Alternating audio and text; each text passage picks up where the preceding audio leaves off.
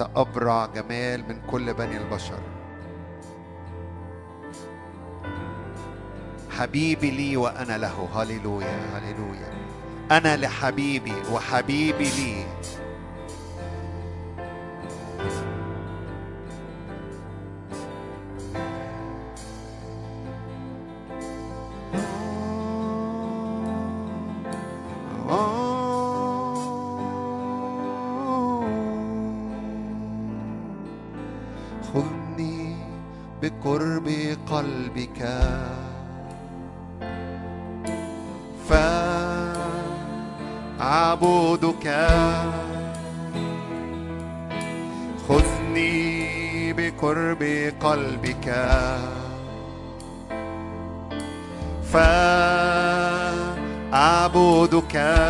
مرة خذني بقرب قلبك خذني بقرب قلبك. أنت الأبرع جمال. فأعبدك خذني بقرب قلبك خذني بقرب قلبك. فأعبدك.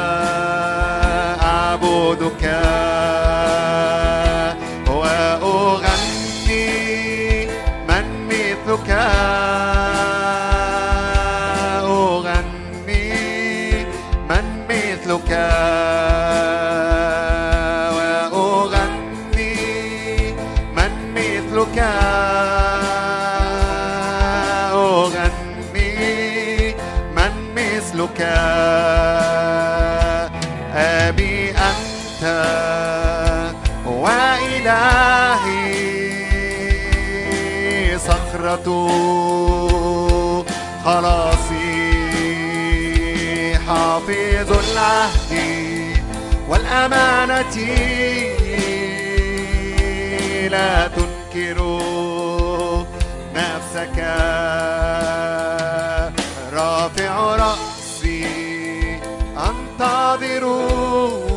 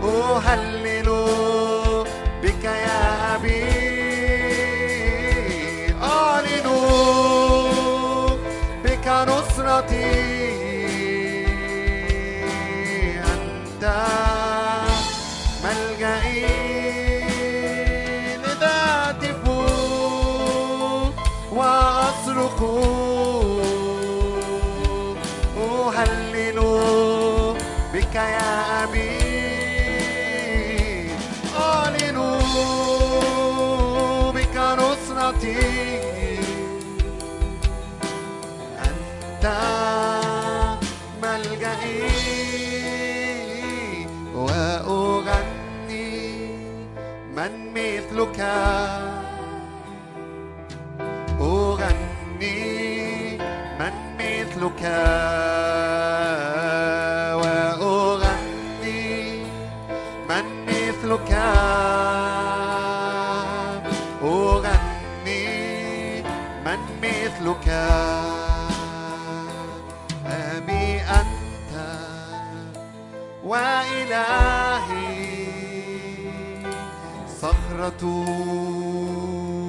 خلاصي.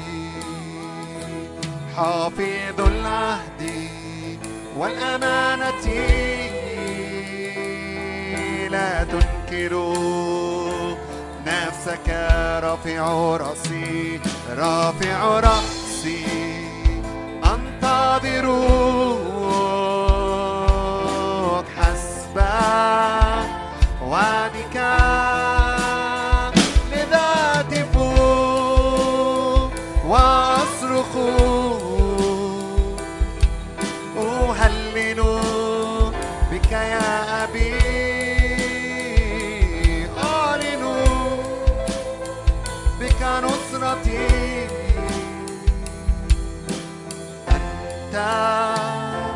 ملجئي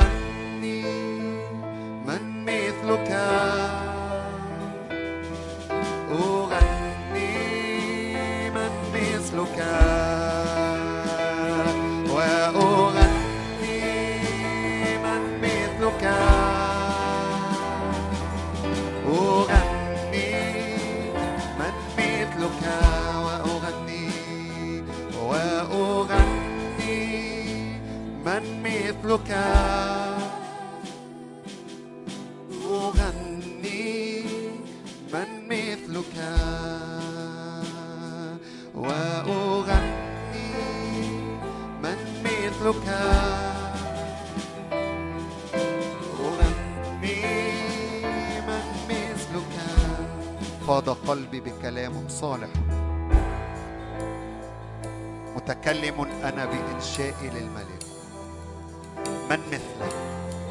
من مثلك؟ ليس مثل الله.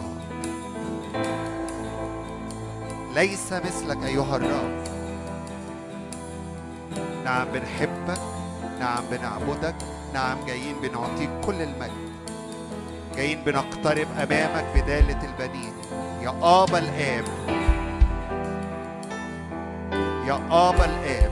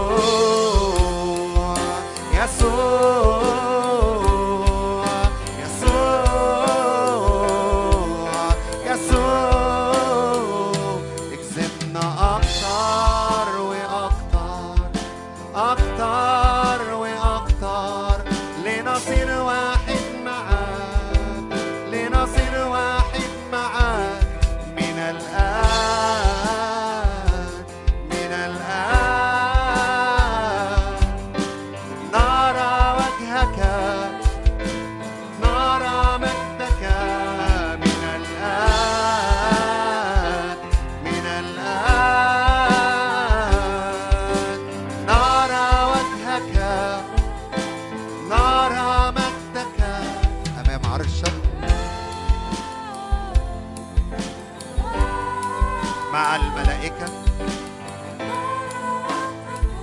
الملتفة حوالين عرشك نعطيك كل المجد كل القرابة كل المجد.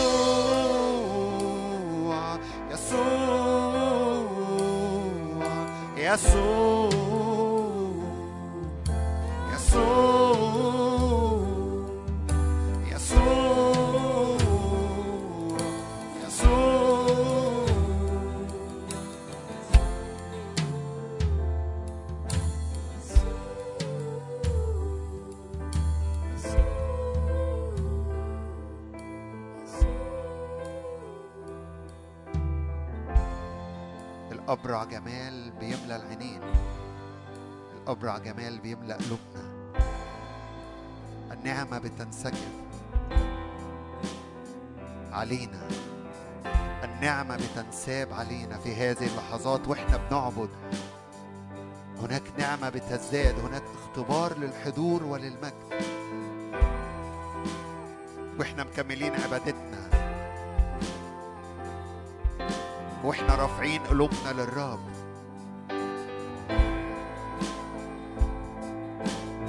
عيني وعينك بتمتلئ بيه. آه.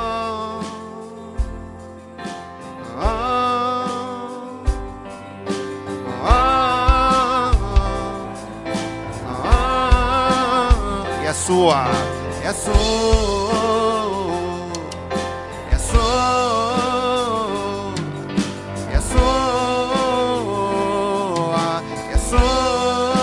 ملايكة صاعدة ونازلة هللويا. يسوع.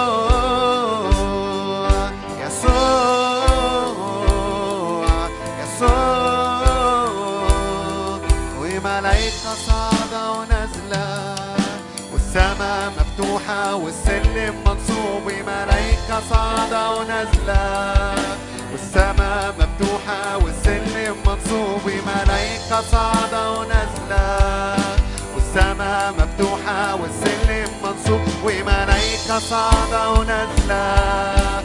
والسماء مفتوحة والسلم منصوب وملايكة صاعدة ونازلة. والسماء مفتوحة والسلم منصوب كل الملائكة تصرخ قدوسا والأرض تجيب. أنت قدوسا كل الملائكة تصرخ قدوسا والأرض تجيب. أنت قدوسا كل الملائكة تصرخ قدوسا والأرض تجيب أنت قدوس هللويا هللويا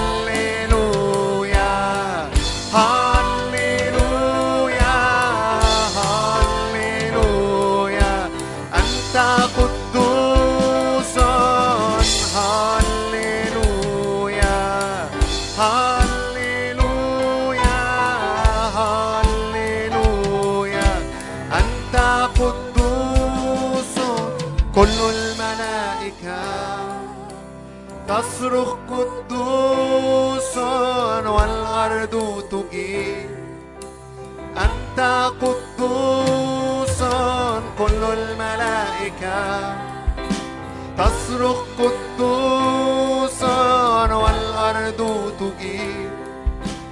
أنت قدوس. ارفع إيدك معايا وإحنا بنعبد اللحظات اللي دي اعلن كده. أرضي يستعلن فيها مجد الرب. كلك مجد يا بنت الملك. كلك مجد يا بنت الملك. أرضي يستعلن فيها مجد الرب.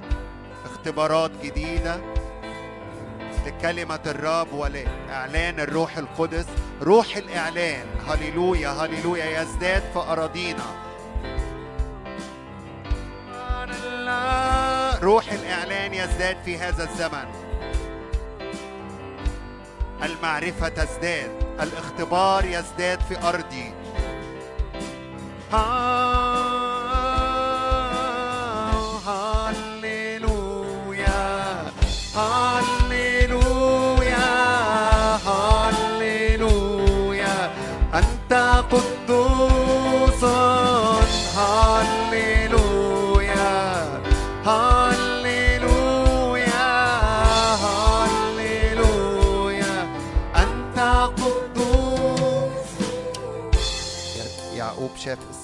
منصوب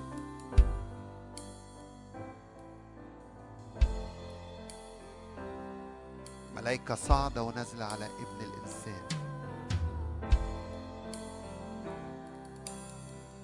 فسمي هذا المكان بيت إيل أي بيت الله. بيت الله. ما أرهب هذا المكان.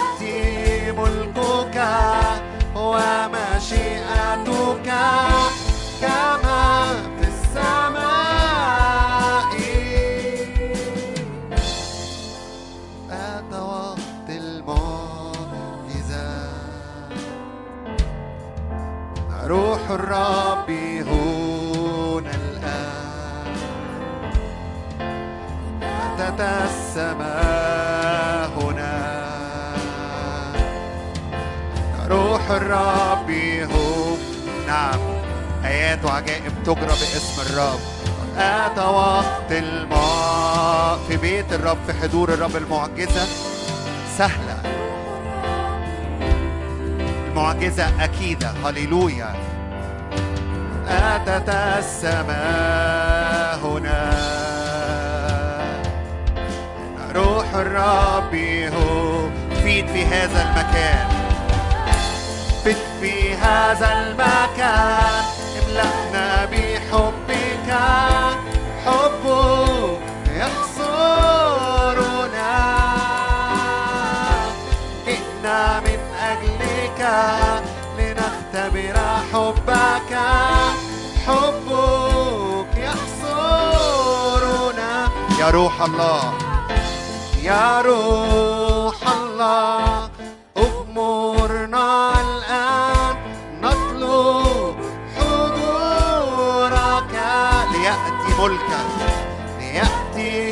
ملكك ومشيئتك كما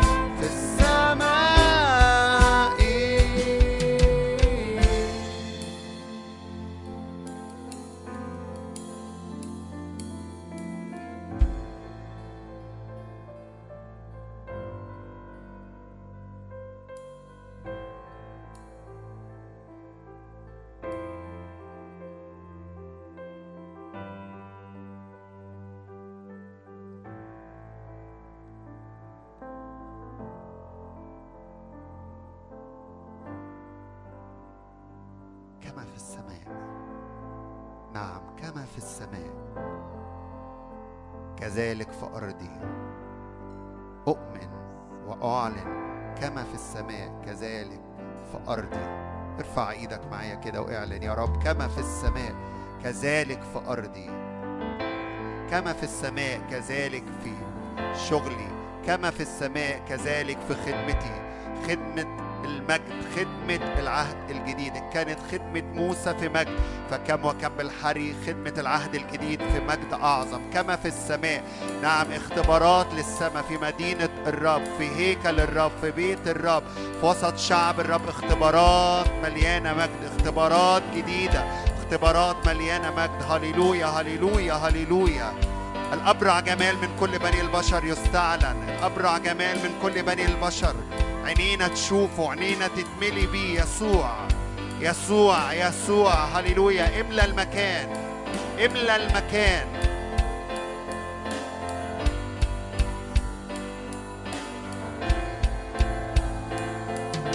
يسوع يسوع يسوع المكان يسوع. حياتنا قلوبنا. إملى بيوتنا إملى كنايسنا إملى عائلاتنا إملى الشارع. يسوع إملى المكان اللي بنتحرك فيه إملانا. آه يسوع يسوع.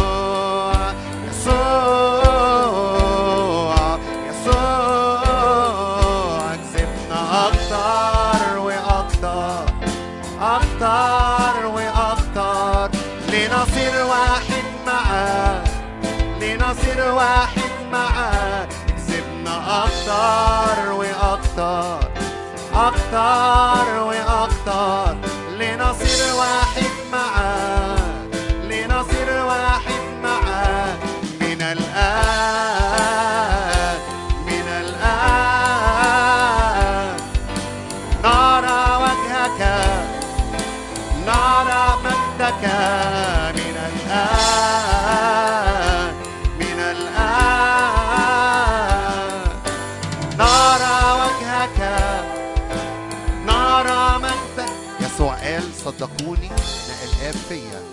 وأنا في الآب وأنا فيكم. حط إيدك على بطنك معايا كده وإعلن. نعم يسوع فيا. يسوع ساكن فيا. روح الرب ساكن في داخلنا. إحنا هياكل للرب اذا حياتنا ملقانه مجد هياكلنا ملقانه مجد أيامنا عمرنا دعوتنا اعلن معايا واعلني معايا كده. هللويا لأن المجد بيزداد. المجد بيزداد على عروس الرب وعلى كنيسة الرب في هذا الزمن.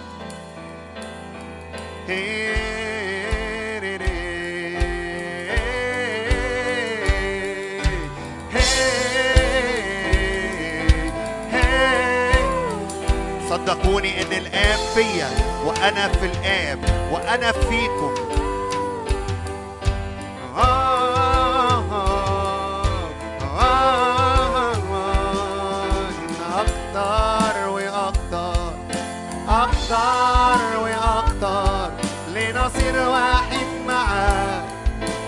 لنصير واحد معاك. اكسبنا أكتر وأكتر. أكتر وأكتر. لنصير واحد معاك. لنصير واحد معاك. يسوع.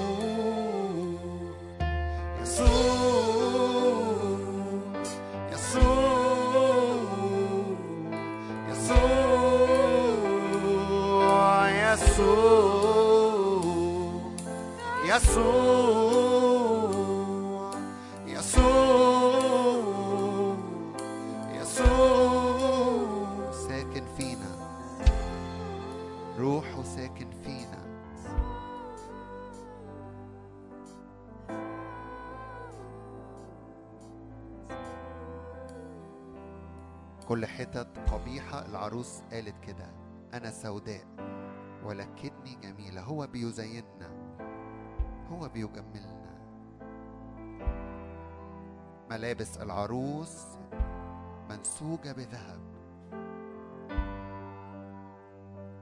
ملقانة مجد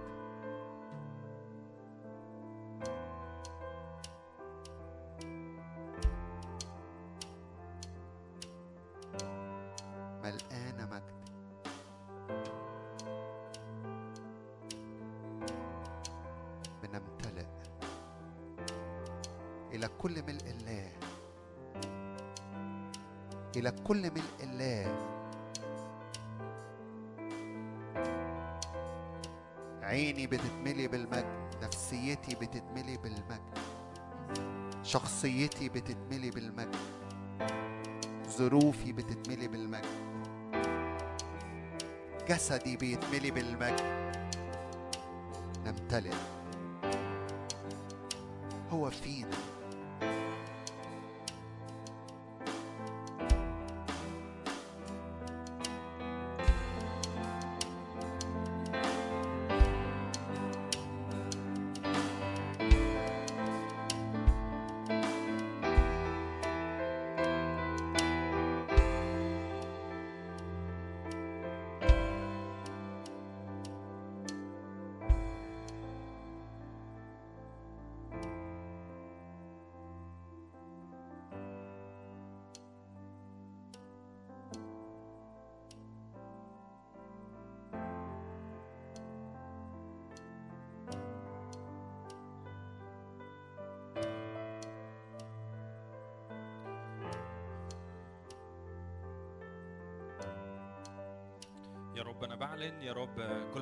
حاصله في السماء دلوقتي يا رب تكون بتحصل على أرضنا.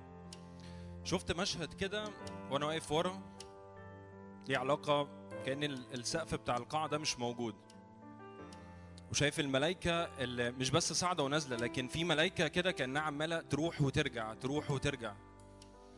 كل اللي جوايا إني أقول له يا رب املى المشهد املى المشهد باللي حاصل في السماء. السماء مش واقفة الناس يعني مش الملائكة حاطة إيديها على خدها وقاعدة ساكتة لكن في حاجة بتحصل. في حركة من الملائكة في حركة من المركبات النارية في حركة من البكرات في حركة من أوجه الكائنات الأربعة في حركة في حركة بتحصل في العرش. في زي ما إحنا بنعبد هنا في حاجة بتحصل فوق السماء دي فوق ال- القاعة دي. في كهرباء روحية في بروق ورعود بتحصل فوق القاعة. فكل اللي جوايا إني املى املى يا روح الله المشهد لكل حد هنا في القاعة. يا رب أؤمن يا رب بعينين تتفتح في الروح الآن باسم يسوع. أؤمن يا رب إن الناس تكون بتشوفك وجها لوجه باسم يسوع.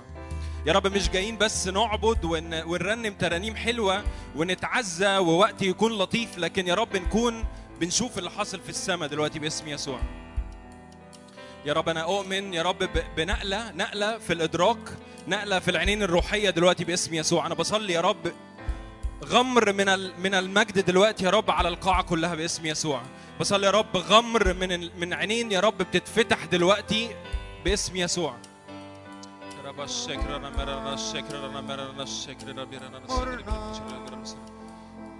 هب يا روح من الرياح الأربعة. هب يا روح من الرياح الأربعة يا رب. يا رب مش نبقى بنتزنق في نفسينا يا رب أو بنتزنق في المشاكل اللي جايين منها يا رب. لكن يا رب بنرى وجهك الآن باسم يسوع.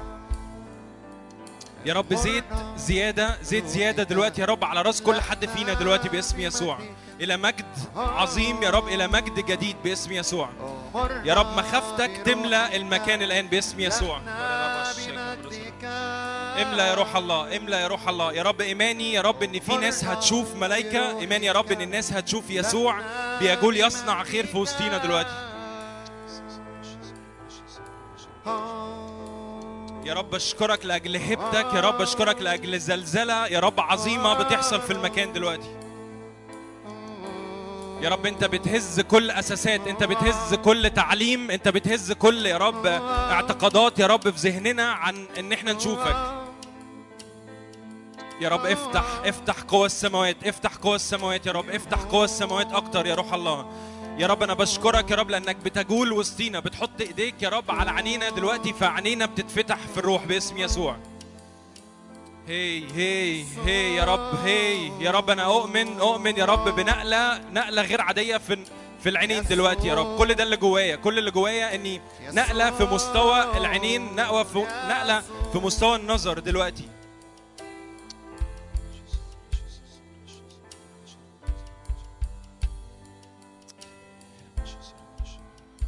يا رب أشكرك لأجل كل دهنة دلوقتي بتتحط على رأس كل حد فينا يا رب.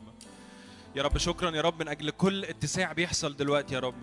اتساع للكلمة للكلمة دلوقتي. لكل كلمة هتكون بتخرج من العرش دلوقتي. يا رب نكون بنتسع فبنقدر يا رب نستقبل يا رب كل كلمة يا رب تأتي بحياة علينا باسم يسوع. يا رب شكرا. من أجل كل ملائكه بتتحرك في وسطينا شكرا. من أجل حركة الجيش من الملائكه اللي فوق السماء دي يا رب. شكرا يا رب من أجل كل معجزة بتحصل في القاعة دلوقتي يا رب. حتى من قبل الكلمة من قبل الوعظة في معجزات تحصل في في في في نقلة في نقلة يا رب في كل حاجة باسم يسوع.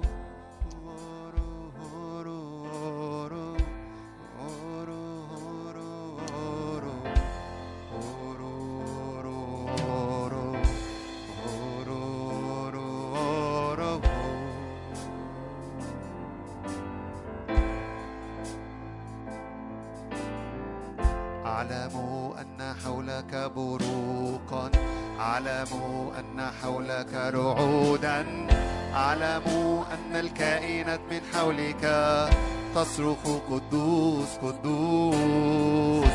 أعلم أن حولك بروقا أعلم أن حولك رعودا. أعلم أن الكائنات من حولك تصرخ قدوس قدوس. أرى سبع شعلات متقدة بنار. أرى بحر زجاج ممسوك بنار. أرى عين ابن الإنسان مملوءة بنار. نار نار. أرى سبع شعلات متقدة بنار. أرى بحر زجاج ممسوك بنار. أرى عين ابن الإنسان مملوءة بنار. نار نار سبع شعلات نار. أرى سبع شعلات متقدة بنار. أرى بحر زجاج ممسوك بأعين مفتوحة لكي تبصر ما في العرش. نار نار. أرى سبع شعلات متقدة بنار. أرى بحر زجاج ممسوك بنار. أرى عين ابن الإنسان مملوءة بنار. نار نار.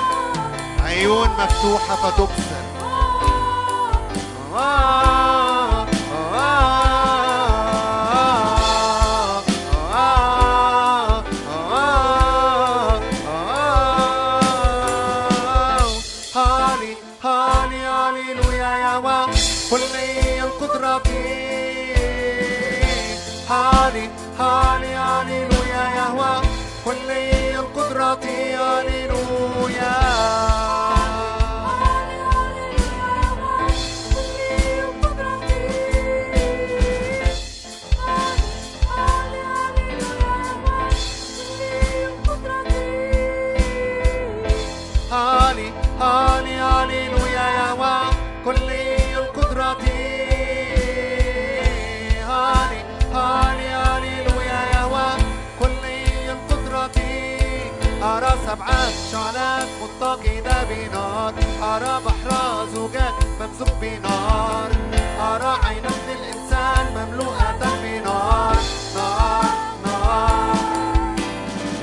أرى سبعة شعلات متقين بنار أرى بحر زجاج ممزوج بنار أرى عين ابن الإنسان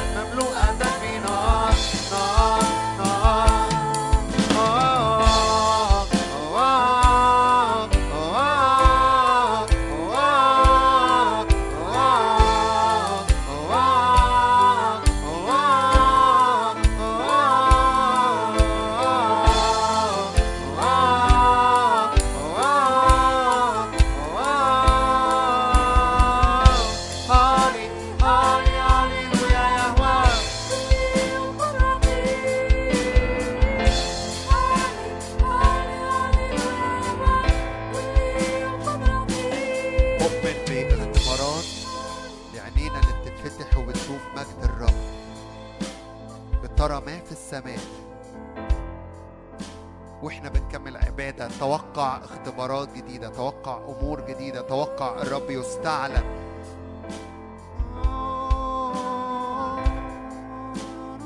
الرب يتجلى.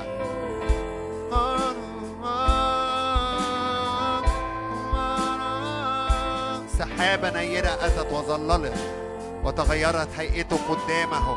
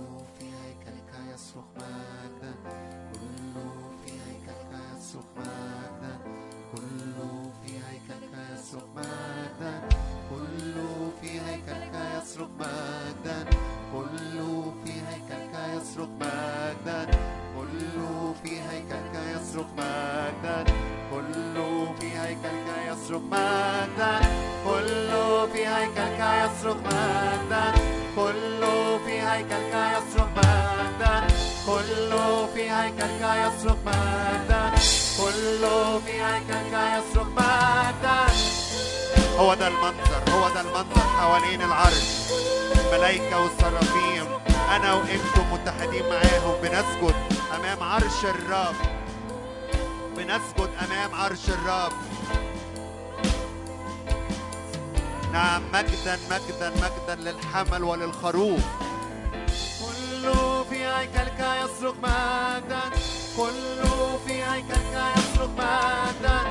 كل نسجد ونقر ونركع أمامك أيها الرب ونعطيك كل المجد.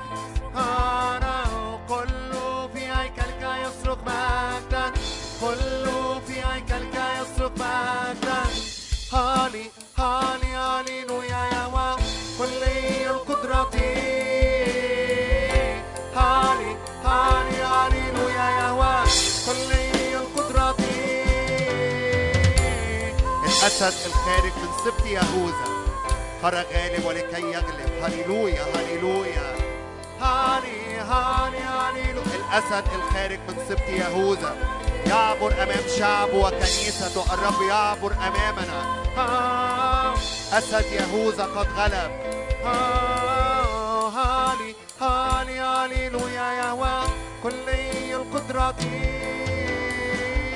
هالي هالي هللويا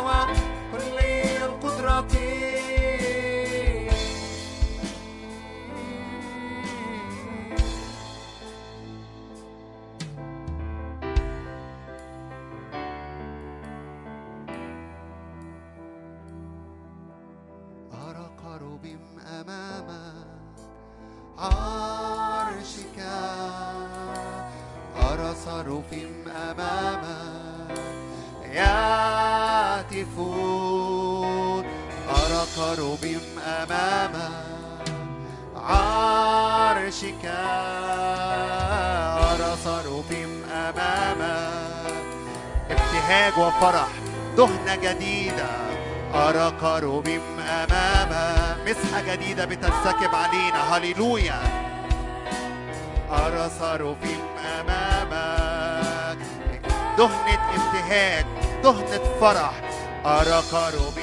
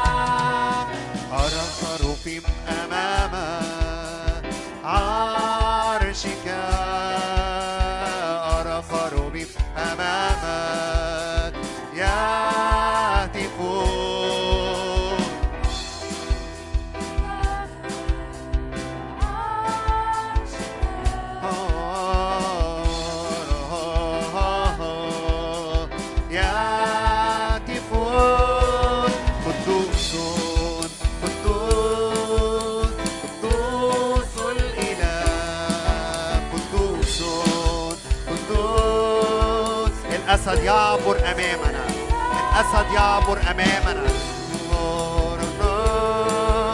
خرج غالب ولكي يغلب. هللويا. قدوس قدوس قدوس الإله. أرى وجه أسد أرى وجه نس. مسحة إنسان علينا. أرى وجه أسد أرى وجه نس. مسحة إنسان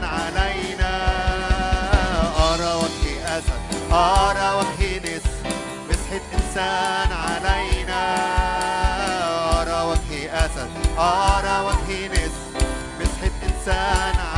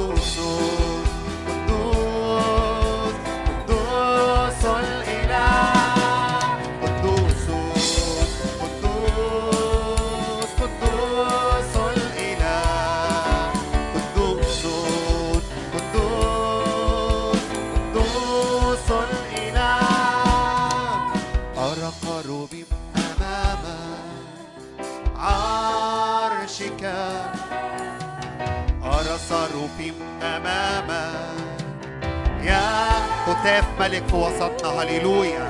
أرى قروب أمام هتاف ملك في وسطنا. أرى صاروف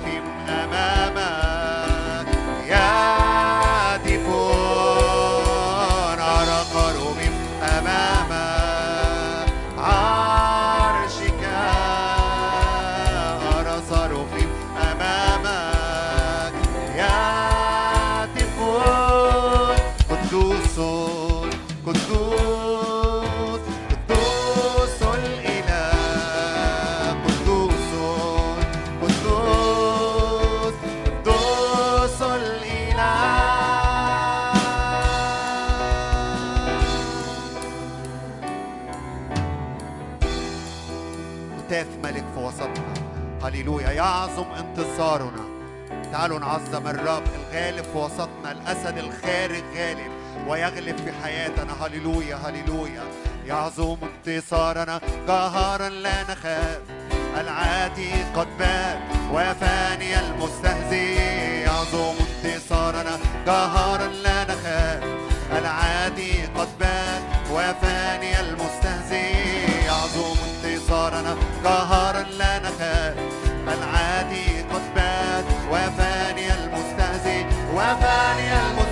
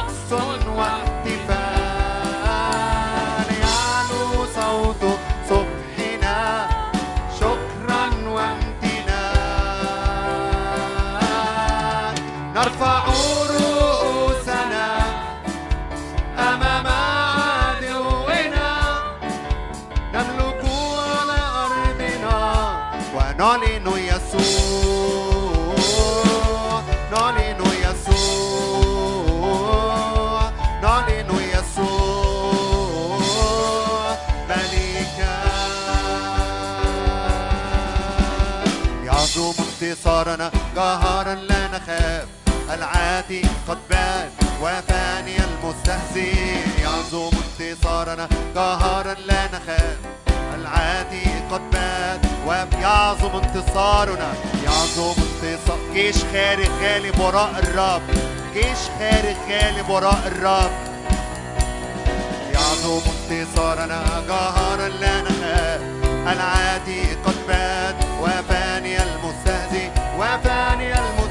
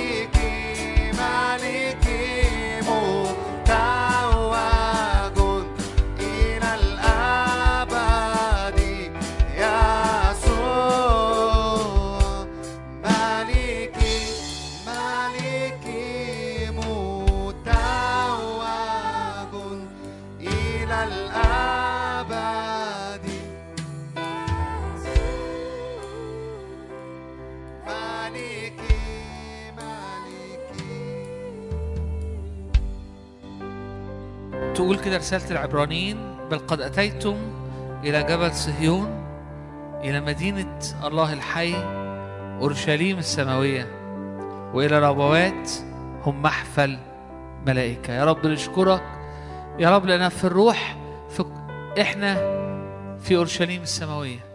يا رب إنه في الروح إحنا يا رب في مدينة الله الحي.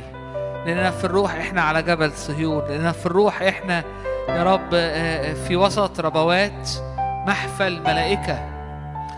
يمكن الأرض يمكن الواقع يمكن ال- ال- الدنيا على الأرض حاسس إنها ده مش متشاف فيها. لكن في الحقيقة إنه إنه في المسيح في المسيح في الخليقة الجديدة في إنسان الروح أتينا إلى جبل الله مدينة الله أورشليم السماوية. إلى ربوات محفل ملائكة. يا رب نشكرك. يا رب لأنه توجد معونة يوجد خبز من السماء. يا رب توجد يا رب استجابات. يا رب توجد ترقيات. يا رب يوجد يا رب من؟ يا رب نازل علينا. يا رب لنأكل ونحيا. لأننا بك نحيا وبك نتحرك وبك نوجد. يا رب مكتوب كده هوت إنه العرج نهب نهبا. يا رب الصغير الأصغر يا رب صار يا رب أم عظيمة صار جبار. إنما اختار الله جهال العالم والمصدرة وغير الموجود ليفتن بهم العالم. يا رب نشكرك قول له كده يا رب أنا بشكرك لأنك يا رب في ليا من في ليا يا رب معونة في ليا غذاء غذاء السماء. نازل من السماء واهب حياة أبدية ليا.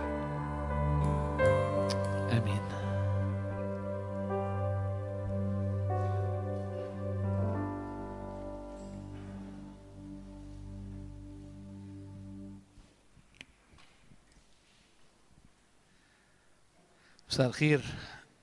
أخباركم إيه يا جماعة؟ كل كويسين؟ حلوين؟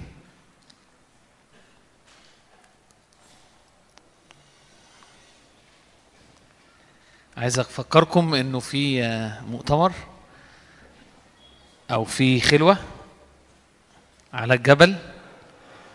وقت هنبقى مع بعض فيه.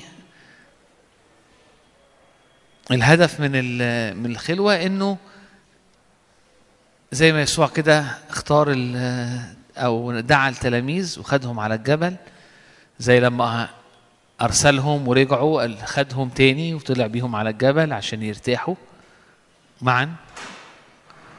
و احساسي ان الرب عايز ياخدنا مع بعض في وقت في اجتماعات في تسبيح في عبادة في كلمة لكن في كمان شركة. وفي آه، علاقات بتتبني وفي راحة. وفي أنهار بتخرج منك وبتروي أختك أو أخوك اللي جنبك. يعني أنت هت هت هت هتدي. أنت هتبارك الناس بالحاجة الحقيقية اللي جواك. أمين.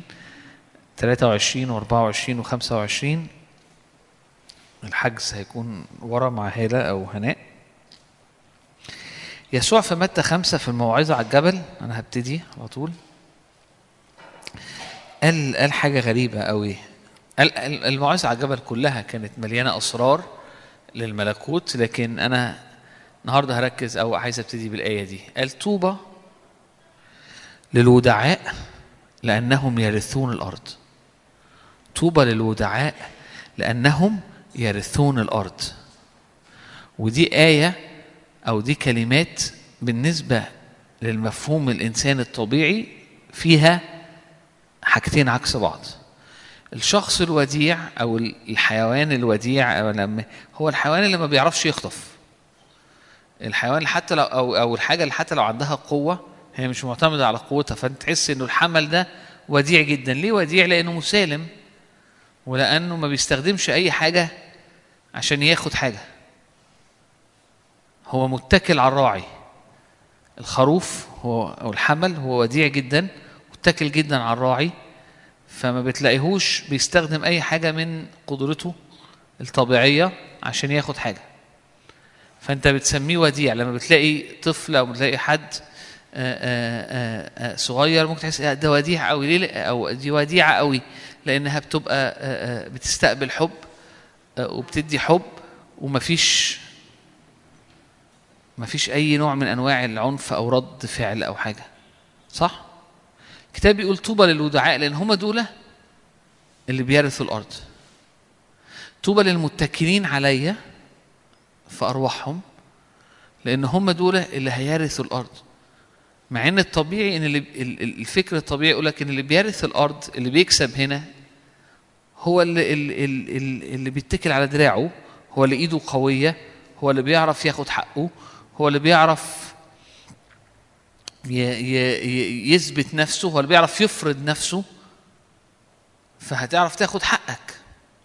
لو ما طلبتش حقك هيتاخد منك لو ما لو ما ما أصرتش هي هي هي هياكلوك لو لو ما دوستش هي- هيداس عليك لو ما لو ما عارفين المبادئ الطبيعية اللي في الدنيا حوالينا؟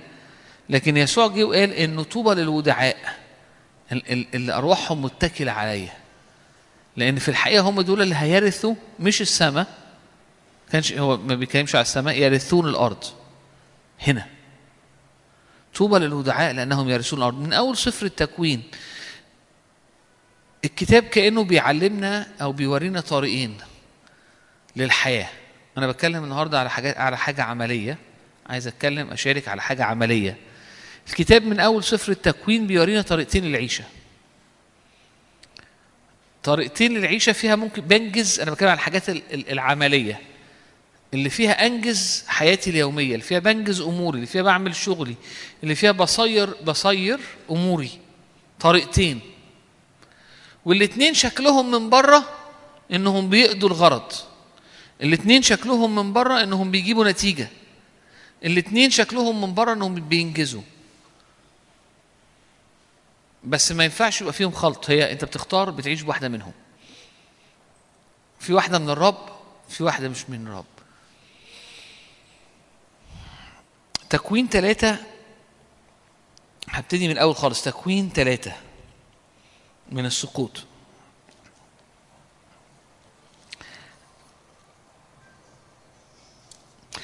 تكوين ثلاثة الحية أحيا لجميع ال- ال- الحيوانات وإزاي إنه إنه إبليس جه وابتدى يتكلم مع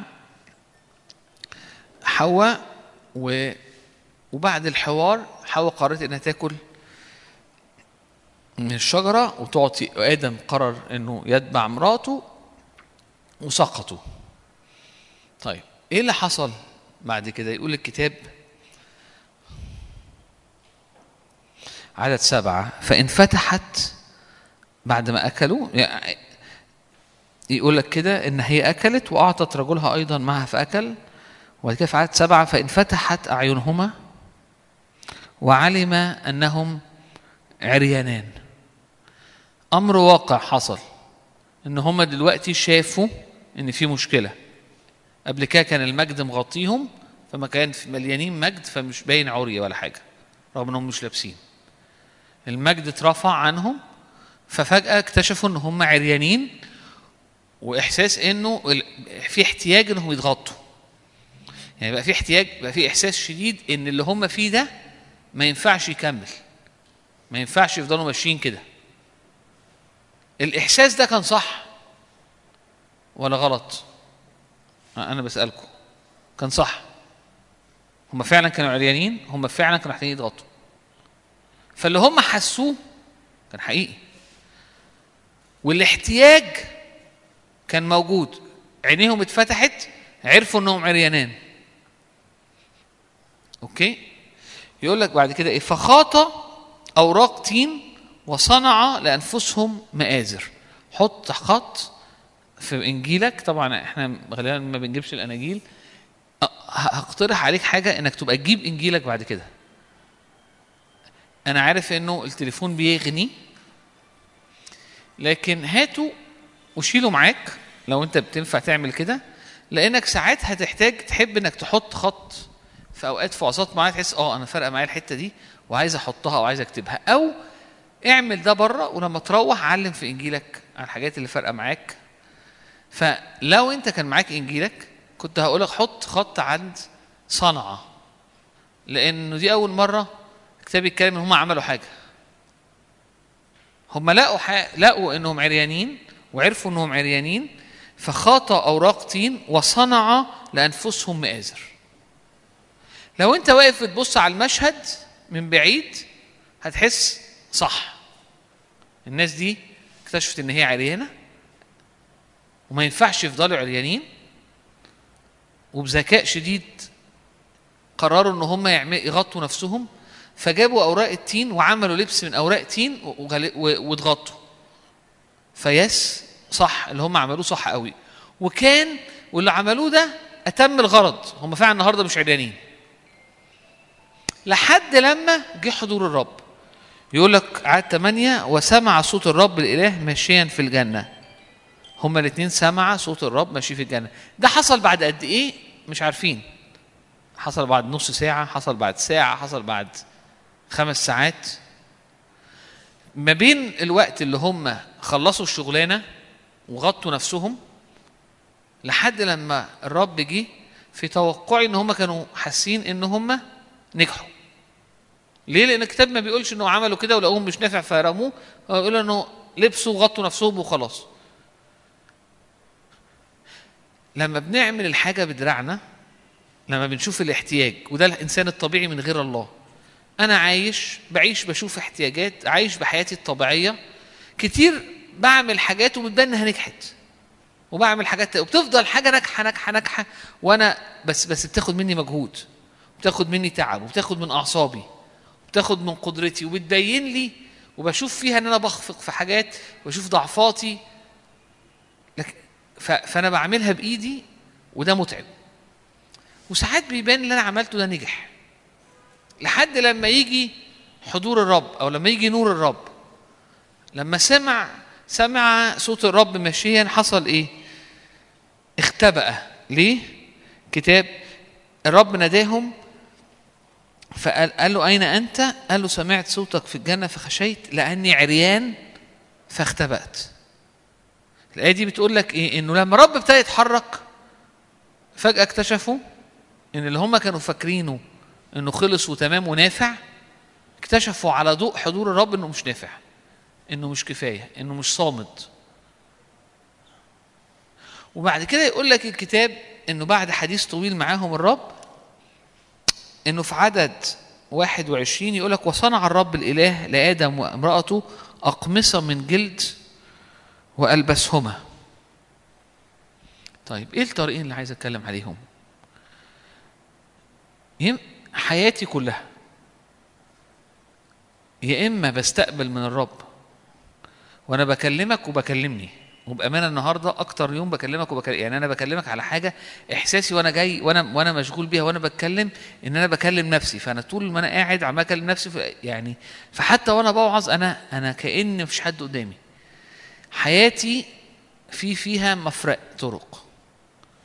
يا إما بستقبل من الرب عطايا وبعيش بيها فبعيش متكل عليه بلا مجهود.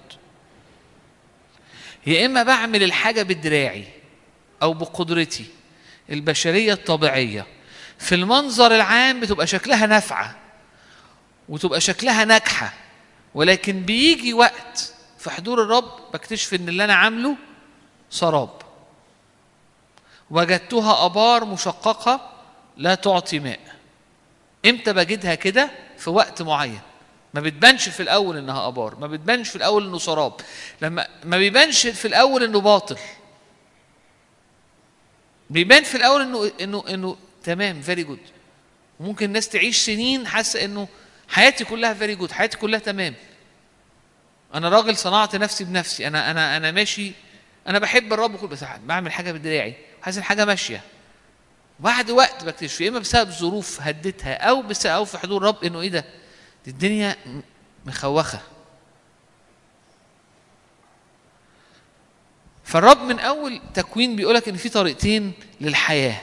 طريقة إن أنت بتستقبل مني عطايا فألبسهم الرب وبتلبسها وبتعيش بلا مجهود. بس معتمد دايما على إنك باصص وبتستقبل وبتعيش باللي بتستقبله. وده تحدي لأن ده ضد طبيعتنا البشرية. لأن ده معناه في وقت إنك هتنتظر وحاسس إن أنا ممكن أعملها بإيدي بس ما تعملهاش. يعني ده متعب إنك بتحس في أوقات إنك طب أنا ممكن أعملها بالطريقة دي. طب ما ممكن أكلم فلان وفلان وفلان. وكلمتهم وما سمعوش الكلام طب بص أنا هعمل الحركه الفلانية. إنك تقعد تهري وأنت متعود إنك تجيب الحاجة بإنك بتهري أو متعوده إنك تجيب الحاجة بالزن. أنا عارفة إن إحنا المفروض نعمل كده. أنا شايفة إن في احتياج. طب جوزي ما بيتحركش. أو مديري مش بيسمع. طب أنا هجيبها له كده وهجيبها له كده وهزن عليه أو هعمل فيه الفلان. فأعمل كل الطرق اللي تدفعه إنه يعمل الحاجة اللي أنا شايفة المفروض تعمل. وتتعمل. وأحس إنها very good لكن لكن ده ده دراع بشر. ده أوراق ده أوراق تين ده شغل بالدراع. إيه مشكلته؟ إنه بعد وقت بتكتشف إنه ملوش أساس إنه مخوخ إنه مش مغطي إن أنا لسه عريان. وكتير ده العالم وعشان كده في مشاهير وفي ناس كتير بتلاقيها اكتئبت عندها كل بس اكتئب لأنه بيعمل بيعمل بيعمل وبيتعب وبيحاول ويبص يحس إن حاجة مخوخة ليها شكل لكن مش حقيقية. الطريقة الثانية إن أنا عايش بستقبل من الرب. واللي هو بيديهوني بعيش بيه وعلى قد ما بيديني بعيش. فأنا متكل عليه. وده محتاج تواضع. ومحتاج في وقت إني أتفطم عن أي حاجة ونقول له رب اللي أنت عندك أنا أنا عايزه. فأنا واقف قصاده واقف قصاده. عشان كده قال لك طوبى للودعاء. الوديع ده شخص مش بيحاول ياخد حاجة بدراعه هو مستني الراعي يديه قال لك ده بيرث في الأرض. ده أسلوب حياة يخليك ترث الأرض. ال- ال- الحياة الحاضرة مش المستقبلية. هنا. لأنك متكل عليه. فأول نقطة إنه إنه إنك أنت عندك حلين في الحياة. إنك تهري أو إنك تعمل حاجة بدراعك. بمعنى إيه أعملها بدراعي؟ يعني يعني يعقوب عارف إنه هو مفروض أو هو الرب مديله البكورية. لكن شكلها مش جاي أو شكلها الدنيا ملخبطة. فيبتدي يعمل مكيدة ويعمل ويعمل وي- وي- ويضحك على ويستخدم أمور مرتوية عشان يوصل للحاجة. ده ذراع بشر. أو إنك ما تعملش أمور ملتوية لكن تزق تزق تضغط تضغط تضغط تضغط لحد ما تاخد اللي أنت عايزه.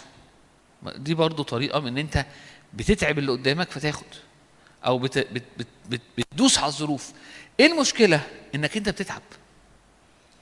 أنت بتتعب. ما أنت متكل على قدرتك إنك تدوس.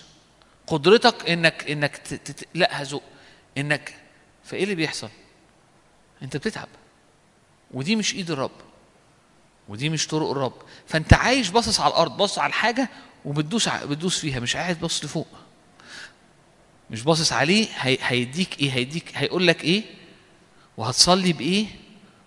وبعد كده هيقودك إزاي؟ وبعد كده هيخليك تنتظر إزاي؟ والحاجة تيجي. فكتير إحنا بنعيش زي هنا. أنا شايف حاجة وحاسس حاجة فهروح أعملها. فبعملها بتطلع ملهاش قيمة. بعد وقت الأول بحس إنها روعة.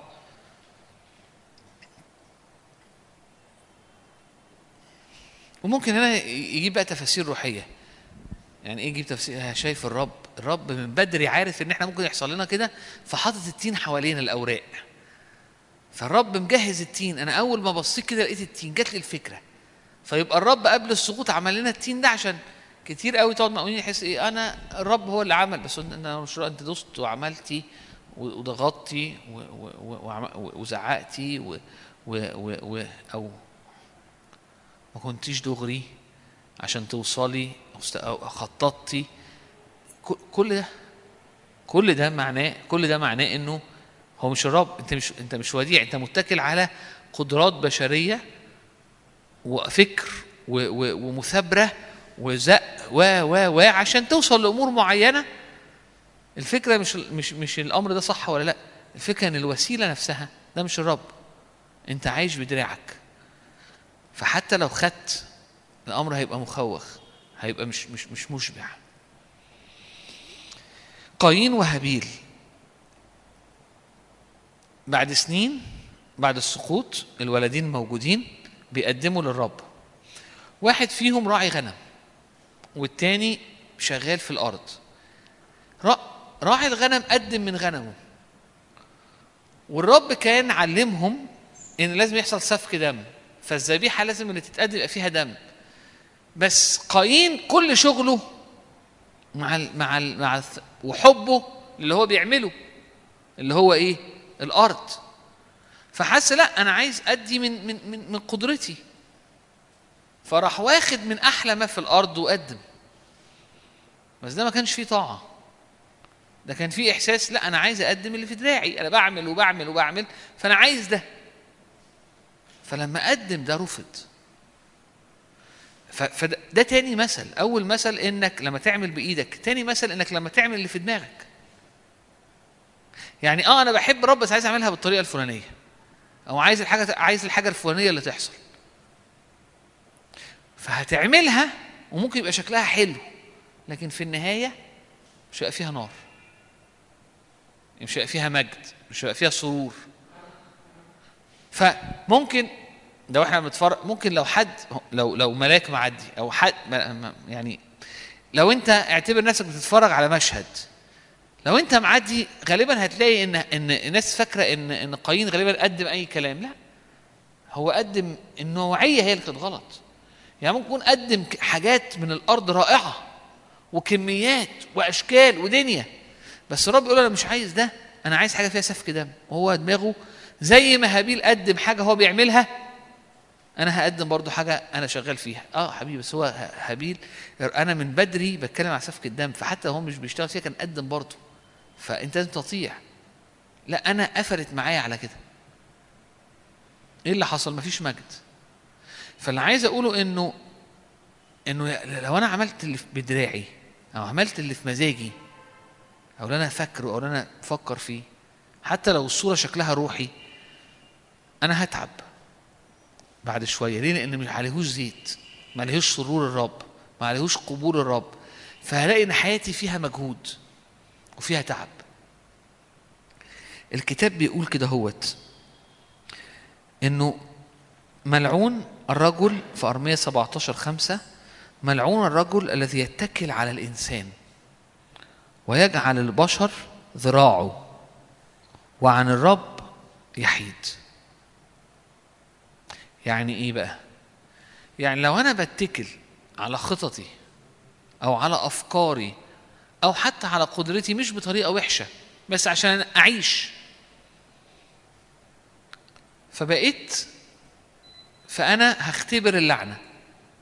يعني إيه اللعنة؟ يعني إن أنا هدي للأرض جاب هتعب قوي قوي وكتير اللي هيطلع من الحاجة مش دايما هيكون كتير. ده مش إن الرب هيلعني لكن ده ده القانون الطبيعي للأرض الساقطة. ده القانون الطبيعي للبشرية بعد السقوط إن الناس هتعمل مجهود واللي طالع قليل. فلما أنا بتكل على قدرتي الطبيعية النتائج اللي طالعة كتير ما بتبقاش مصرة. لو أنا اتكلت على على إيدي اتكلت على ذراعي اتكلت على طرقي الحاجة ممكن تحصل. بس بعد شوية هلاقي نتائج الحاجة مش قوية. أنا بقول لك الكلام ده وأنا كتير في أمور بحس إنه إيه أنا في النهارده أنا بتكلم على إيه أنا بتكلم على الشغل حتى. أنا النهارده في الشغل الموضوع الفلاني اللي كان المفروض يعدي أنا عديته بالعافية. يعني إيه عديته بالعافية؟ يعني أنا اتكلمت وعملت وضغطت وعملت كذا. حتى لو ما كنتش كذبت في النص بس استخدمت كل الطرق اللي بالعافية اللي بالدراع عشان أعمل الحاجة الفلانية. الموضوع مش الحاجة الفلانية اللي أنا عملتها دي صح ولا لأ. الموضوع انها اتك- اتكلت على طرق بالدراع أجهدتني. فالموضوع ما بقاش فيه زيت ما بقاش فيه مجد ما بقاش فيه سرور لأن كله بدراعي. فانت لو عايش تقول لي أنا مش فاهم أنت بتتكلم إيه. أنا بتكلم على حياتك اليومية. لو أنت عايش حياتك اليومية بتتكل على اللي أنت عارفه واللي أنت متعلمه وده اللي بيعيشك وحاسس إن ده طبيعي ما هتلاقي نفسك بتتعب بترهق. هتلاقي إن العائد مش كتير وهتلاقي نفسك مش مبسوط. وتقول لي هو إيه ده؟ أقول لك ده الطبيعي اللي إحنا اتربينا عليه أو كتير اتعلمناه. وده اسمه الحياة الطبيعية العادية الساقطة.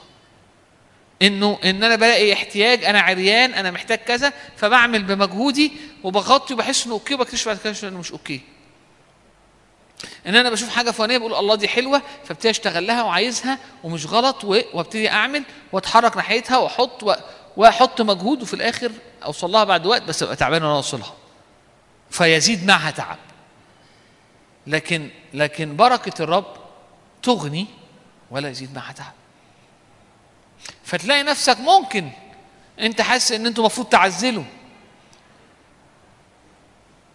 فانت عمال تقنع في اللي معاك إحنا محتاجين نعزل إحنا بس وفي الآخر تعزل.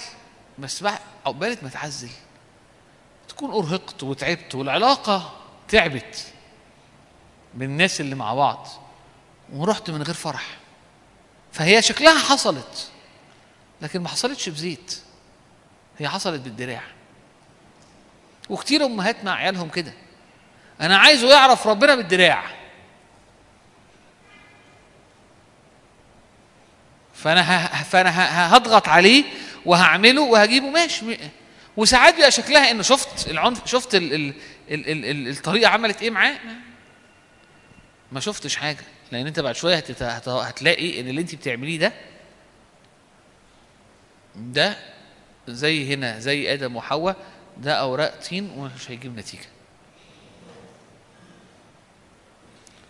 في الشغل وفي البيت وفي التربية. أنا بديك أمثلة وحقيقية. في العيشة اليومية في... إن أنا أنا بحط مجهود أنا بحط مش عارف إيه أنا بعمل الحاجة أنا بجري عشان أعمل عشان أوصل عشان نتحسن عشان ماشي. أبار مشققة لا تعطي ماء هتلاقي نفسك تعبان. طب اما أنا المفروض أعيش إزاي؟ ما كل الناس عايشة كده. آه ده كل الناس عايشة كده. بس الكتاب من أول لحظة بيقول لك إن ده ده نتيجة السقوط. دي مش العيشة الطبيعية. أمال أعيش إزاي؟ عايز أرث الأرض؟ أعيش متكل عليه. يعني إيه متكل عليه؟ يعني أنا عايش ببص لفوق هو بيديني فأنا بعيش. يعني إيه؟ هو بيديني فأنا بعيش. يعني في أرض مصر كان يقول لهم هم كانوا بي- بيحرسوا الأرض وبيجا- بيعم- بمجهودهم. وباصين دايما على المية اللي في النيل وبالميه اللي في النيل هم بيزرعوا. بص الآية في تثنية 11 عدد 10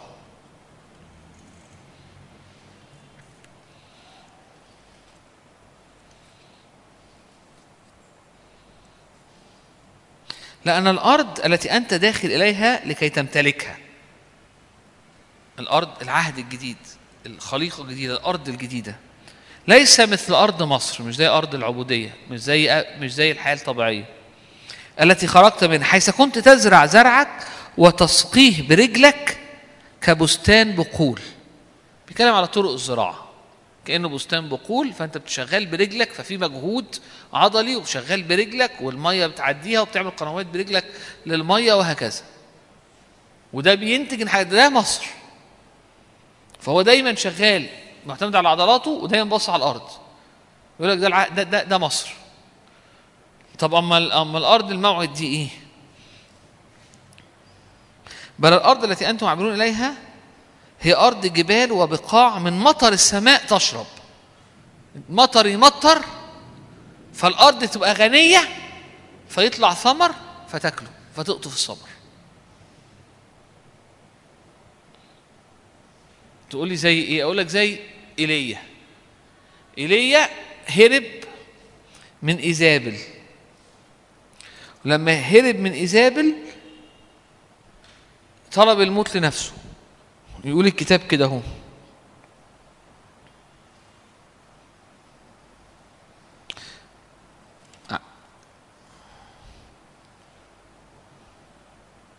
آه، ملوك الأول 19 و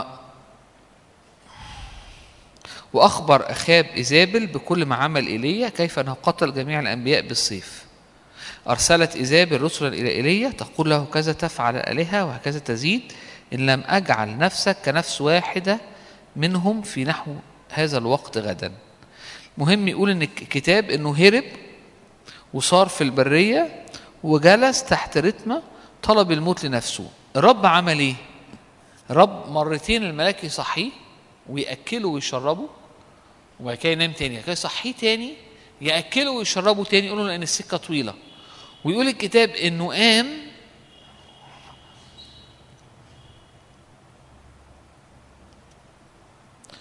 ثم عاد ملاك الرب ثانيا فمسه وقال قم وكل أن المسافة كثيرة. فقام وأكل وشرب وصار بقوة تلك الأكلة أربعين نهار وأربعين ليلة إلى جبل الله. إيه المعنى؟ الرب هيديك أكل روحي هيديك نعم هي اللي هتمشيك عشان توصل لهدف معين. بقوة اللي هو بتستقبله منه هتوصل. وبعد ك- من غير تعب بطريقة م- إعجازية. فتاخد منه تاني فتمشي تاني وتوصل تاني.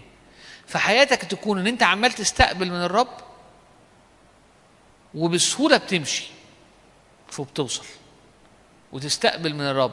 فبدل أرض مصر اللي كنت باصص فيها على رجلك وعلى الأرض هم في أرض الموعد هم باصين على السماء اللي بتمطر عليهم فمش باصين على الأرض.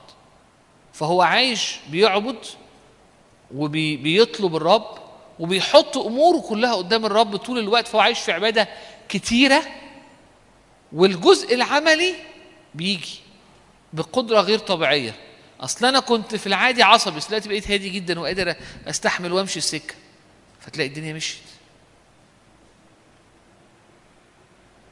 فتلاقي حياتك بركة ما فيهاش تعب. ما فيهاش تعب. حياتك مش هيبقى فيها تعب. كتير إحنا بنحس إحنا انجزنا وعملنا بس تعبنا. والرب يقول لك إنه آه أنت عايش بمنتاليتي مصر ومنتاليتي مصر ما بتمتلكش فيها. أنت مدعو إنك تعيش من ملئه نحن جميعا أخذنا نعمة فوق نعمة. الآية مسمعة معايا أو أو فارقه معايا الوقت ده جامد. بمعنى إيه؟ إن أنا عايش بستقبل نعم وبتحرك وبستقبل نعم وبتحرك. فأنا أهم جزء في حياتي أو أهم جزء في يومي أو أهم جزء في عيشتي إن أنا بقف قدام الرب.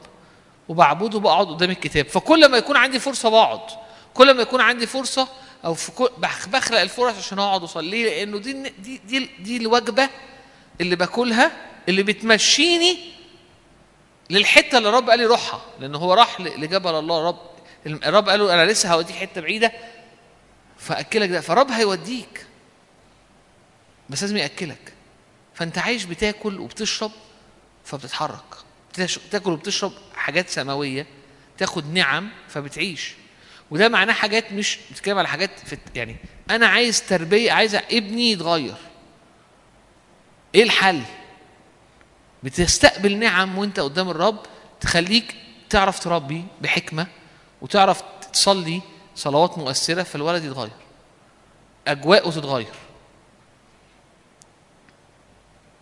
أنا محتاجة إن البيت يتغير إن جوزي يتغير إن دنيتي تتغير. أنا بقف قدام الرب أنا بستقبل من الرب أنا عايشة. ده مش بس وأنا بصلي للحاجات دي أنا حتى من غير ما أصلي للحاجات دي أنا عمال أستقبل أمور وعمال عايش فباخد أمور فبلاقي نفسي بتحرك فبلاقي دي بتتغير. أنا محتاج أنا محتاج نجاح وأنا في السجن. هو كل يوم عايش قدام الرب وعايش بياخد من الرب. فبقى عنده نعمة. النعمة اللي عنده إنه عنده حكمة خلته يقف قدام الفرعون ويعلن الحكمة فمن السجن خرج للملك. دي حاجة مش بمجهود ومش بطبيعية وما تعبش عشان يعملها. دي نعمة. بس نعمة استقبلها. دانيال دايما بتساءل إزاي في أكتر بلد فيها سحر في التاريخ؟ وعايش بيشتغل وسط كل المنجمين وكل الناس بتوع حكماء آه، آه، آه، بابل. إزاي بقى الأول؟ وإزاي كمل الأول؟ هو كان بيستقبل حاجات من الرب ويعيش لأنها ما تتعملش بالدراع. وكان بيستقبل ويعيش وكان بيستقبل ويعيش.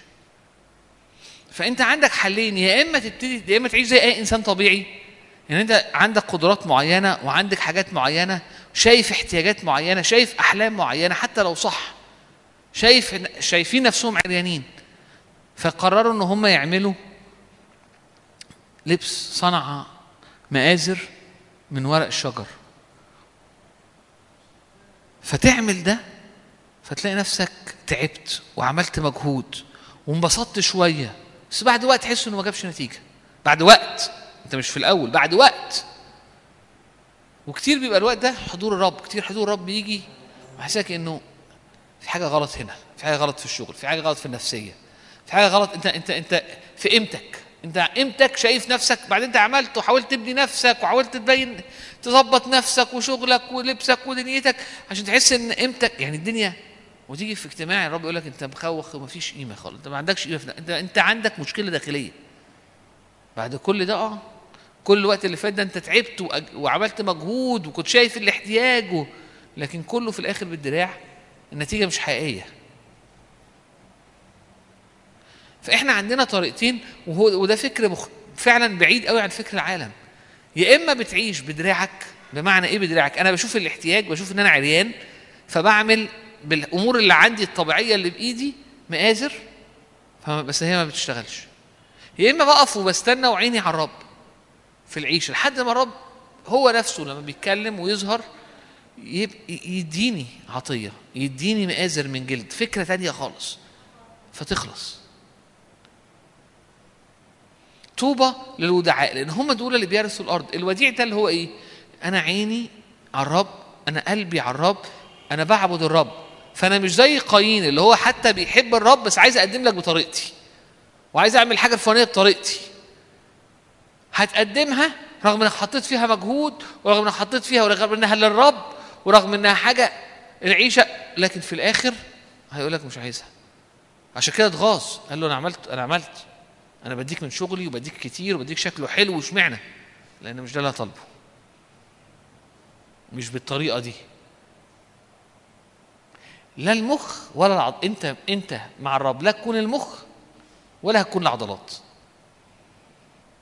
يعني كتير سهل إن إحنا نقول له رب آه أنا مش العضلات أنا مش قادر اعمل أنت. بس بيفضل المخ معايا. بس أنا عايز الحاجة دي بالطريقة دي.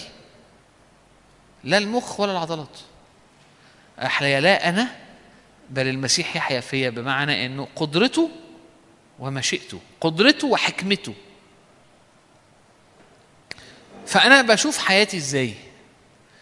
عمليا. بشوف إن أنا الحاجة بجيبها بدراعي أو بقدرتي وأنا بستقبلها وبمشي. التانية اللي هي بستقبل وبمشي في أوقات كتيرة مفيش حاجة نازلة للأمر الفلاني فأنا قاعد ومستني.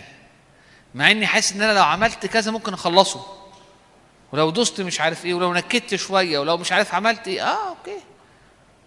بس هو ده في الآخر ملعون من اتكل على ذراع بشر. اعمل الحاجة بدراعك هتلاقي نفسك تعبت هتلاقي نفسك اتخنقت هتلاقي الحاجة حتى لو اتعملت أبار مشققة ما بتطلعش ماء وتروح.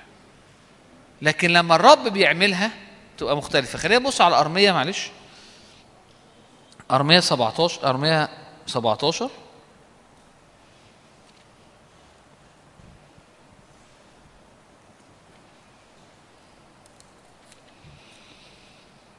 خمسة هكذا قال الرب ملعون الرجل الذي يتكل على الإنسان. يتكل على الحاجات الطبيعية. سواء فيا أو في الناس اللي حواليا. ويجعل البشر ذراعه. وعن الرب يحيط قلبه.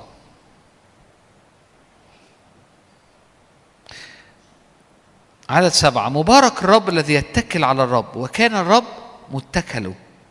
يكون كشجرة مثمرة على مجاري المياه. وعلى نهر تمتد أصولها. لا ترى إذا جاء الحر. ويكون ورقها أخضر وفي سنة القحط لا تخاف ولا تكف على الإسمار. الآية التانية بيقول لك إن لو جه الخير مش هياخد باله بمعنى إيه؟ حتى لما تتعمل الحاجة وتيجي خير بيجي معاها تعب. الجوازة جه معاها مشاكل مادية أو جه مش عارف مشاكل من ناحية عيلة مش عارف إيه أو جه معاها قرف إيه أو معاها مش عارف مين عيان أو يا حتى اليوم اللي أنا كنت مستني فيه الجوازة دي تحصل أو الحاجة دي تتمم جاي معاها. يا حتى الوقت اللي حصل فيه كذا يا طلع لي فيه. فيقول لك كده في عدد خمسة؟ ملعون ما يتكل على ذراع بشر على الرب يحيط قلبه. يكون مثل العرعر في البدي في في البادية ولا يرى اسجاء الخير. يعني إيه لا يرى؟ يعني الخير لما بيجي بيجي مع حاجة تانية. فاهمين فاهمين قصدي؟ الناحية التانية يجي الحر تيجي ساعات الظروف تقلب لكن هو أصوله في حتة تانية. فهو بيدي ثمر في كل وقت ورقه لا يذبل ايا كانت ال- الدنيا حواليه مشيت أو اتحولت إزاي. فهو تحت سما تانية وبيعتمد على قدرات تانية وشايف نتائج تانية. ودايما أخضر دايما مش تعبان. هو في أرض الموعد. كتير عايزين ده يحصل في حياتنا. لكن اللي أنا ب- بشوفه في حياتي إن بلاقي نفسي كتير وأنا بقول لك خصوصا بعيد عن الاجتماعات. يعني أنا في المصنع. أنا بشتغل برضه في مشاكل. مش لازم أكذب.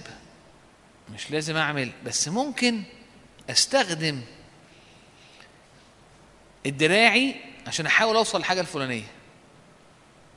خناقة أو أو ضغط أو كذا أو مش أو ايا كان بس كتير ألاقي نفسي بعديها أقول هو أنا هو أنا بعمل إيه؟ هو أنا بحاول بحاول أعمل حاجة بإيدي؟ آه. عايز أقول لك طعمها وحش. يعني وصلت لحتة إن بقى طعمها مش عايزها تحصل مش مهم تحصل. يعني أنا واصل لحتة حاسس إنه يا رب عايزها بإيدك. وعايزها بمشيئتك يا إما مش مهم حتى لو حر خليه. أنا عايز أبقى أنا عايز أبقى شجرة متكلة على طرقك وعلى ذراعك وبطريقتك وبأفكارك. عشان حتى لو ما حصلش والدنيا حر أنا مثمر. التانية حتى لو حصلت فأنا مش هرى الخير. لأن في العالم يجي تيجي الحاجة الحلوة ومعاها حاجات صعبة تيجي الترقية ومعاها مشكلة مش عارف فين تيجي إيه ومعاها إيه. ففي النهاية هو هو قرار. انت هتعيش وده ده قرار صعب. يعني يعني لو قلنا على المؤمنين هتلاقي انه انه حتى وسط المؤمنين كتير ده مش بيبقى حاصل. انت هتعيش تعمل الحاجة بإيدك وبقدرتك وهتسيب الرب يعملها. المشكلة إنك لما بتعملها بدراعك شكلها إنها بتنجح. هي دي الخدعة. فأنت تقول آه ده من الرب أهي اتعملت. أدينا غطينا. إحنا اتسطرنا. والورق شكله حلو. وبيفضل كده لحد لما يجي المجد. لحد لما يجي صوت الرب. يكتشف إنه عريان. في وقت في ناس مش هيكتشفوا غير لما لما يقابلوا الرب في المجد. يكتشفوا إنهم عريانين. دي دي دي حاجة أكبر يعني ما عداش عليهم ما جاش ظروف فيها أو ما جاش حضور الرب أو ما جاش كده. ففي أمور يكتشفوا بعدين قوي حتى في زمن تاني هم واقفين قصاد الرب إنه إيه ده؟ ده اللي أنت فاكره كان مني أو كان كان كان اتغطى واتسطر ده ما كانش مني. ده ورق تين انت لسه عريان. ده كذا ده كذا ده كذا. حاجات كتيرة تفتكرها ذهب وفضة وحجارة كريمة تطلع إنها قش وتطلع إنها خشب.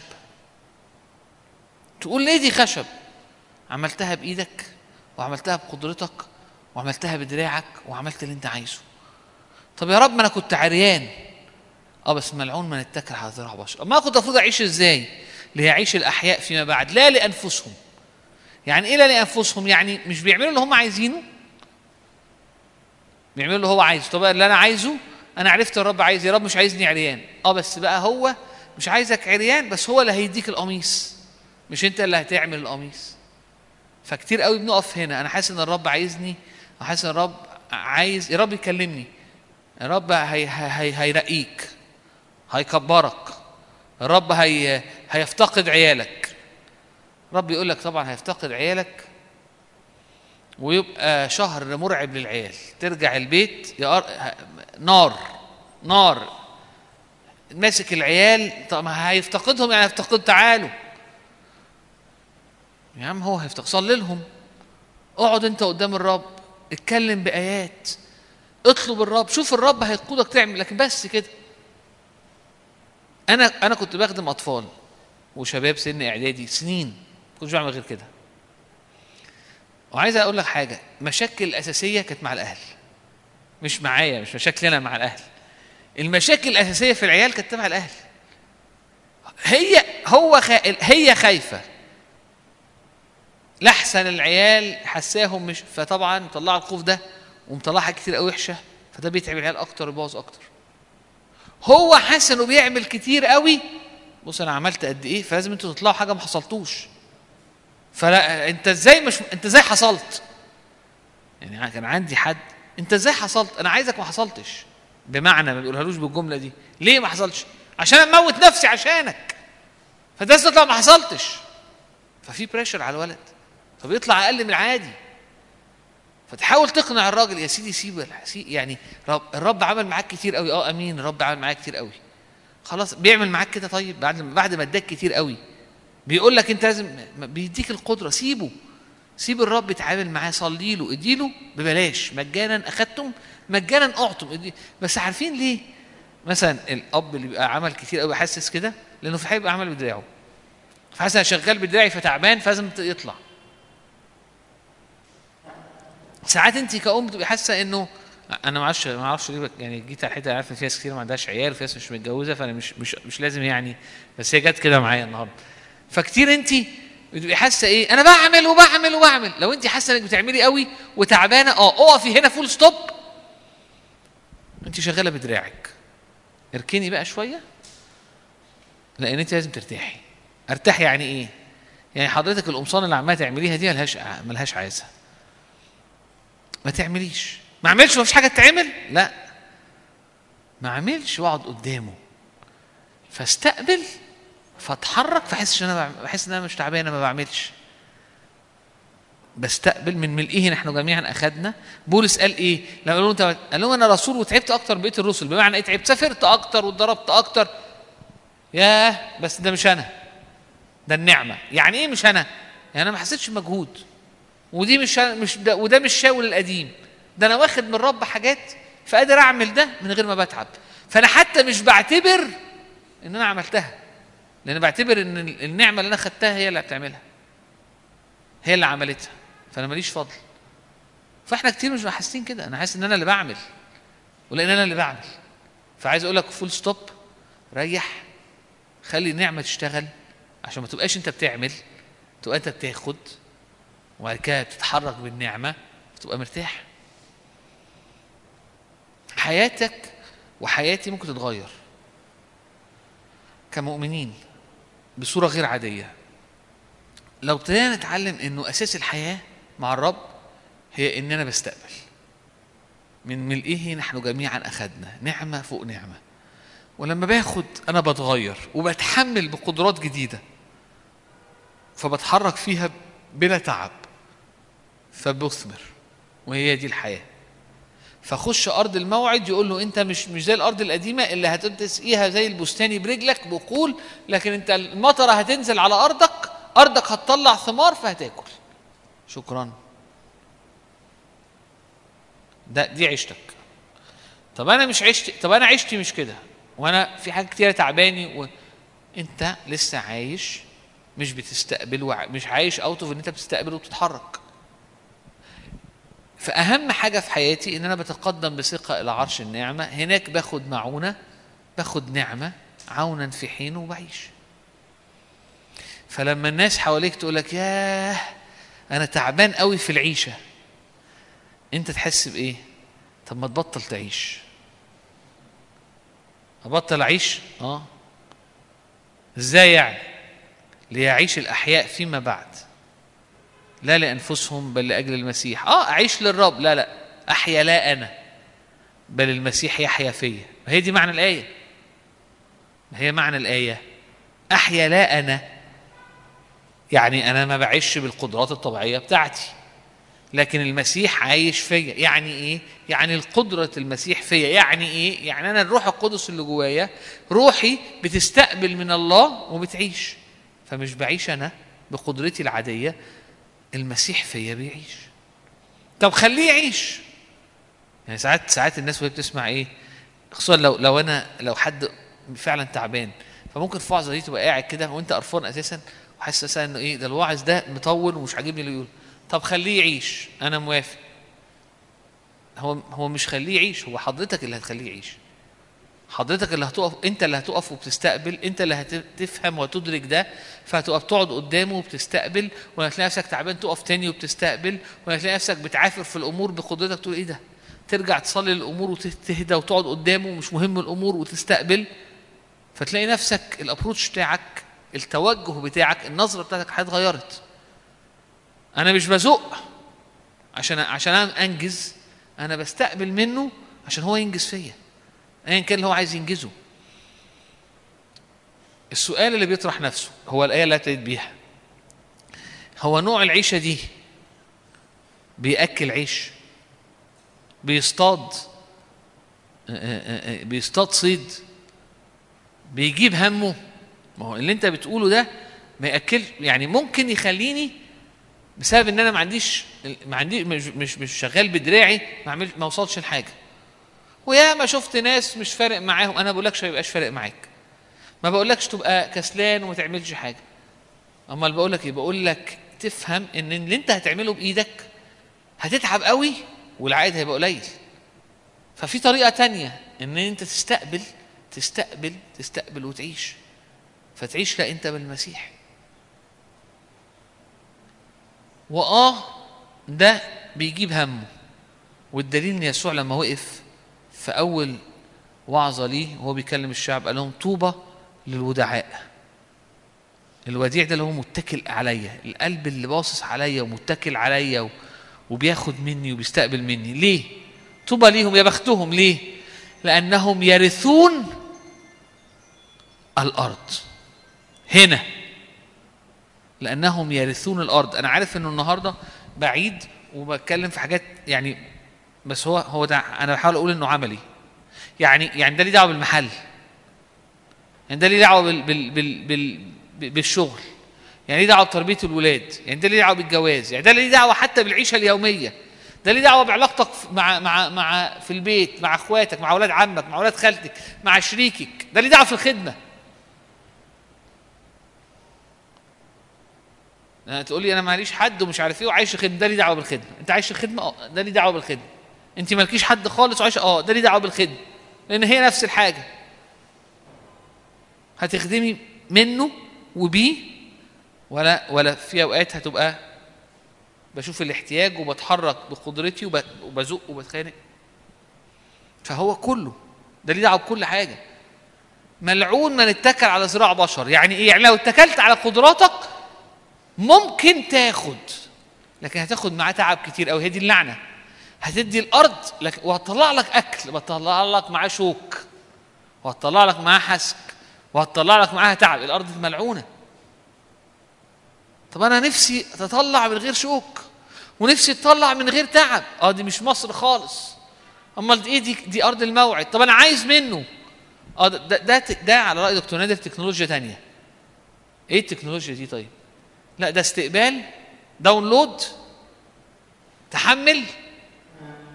ال program يبقى على الموبايل تفتح ال application تشتغل. تحمل تفتح ال application تشتغل.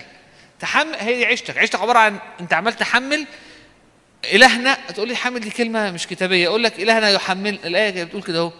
إن إلهك يحملك. يوم بعد يوم يحملك يشيلك. في آية بتقول كده إنه يشيلك. فأه هو بيحملك. هو بيشيلك أمور نعم وبتمشي.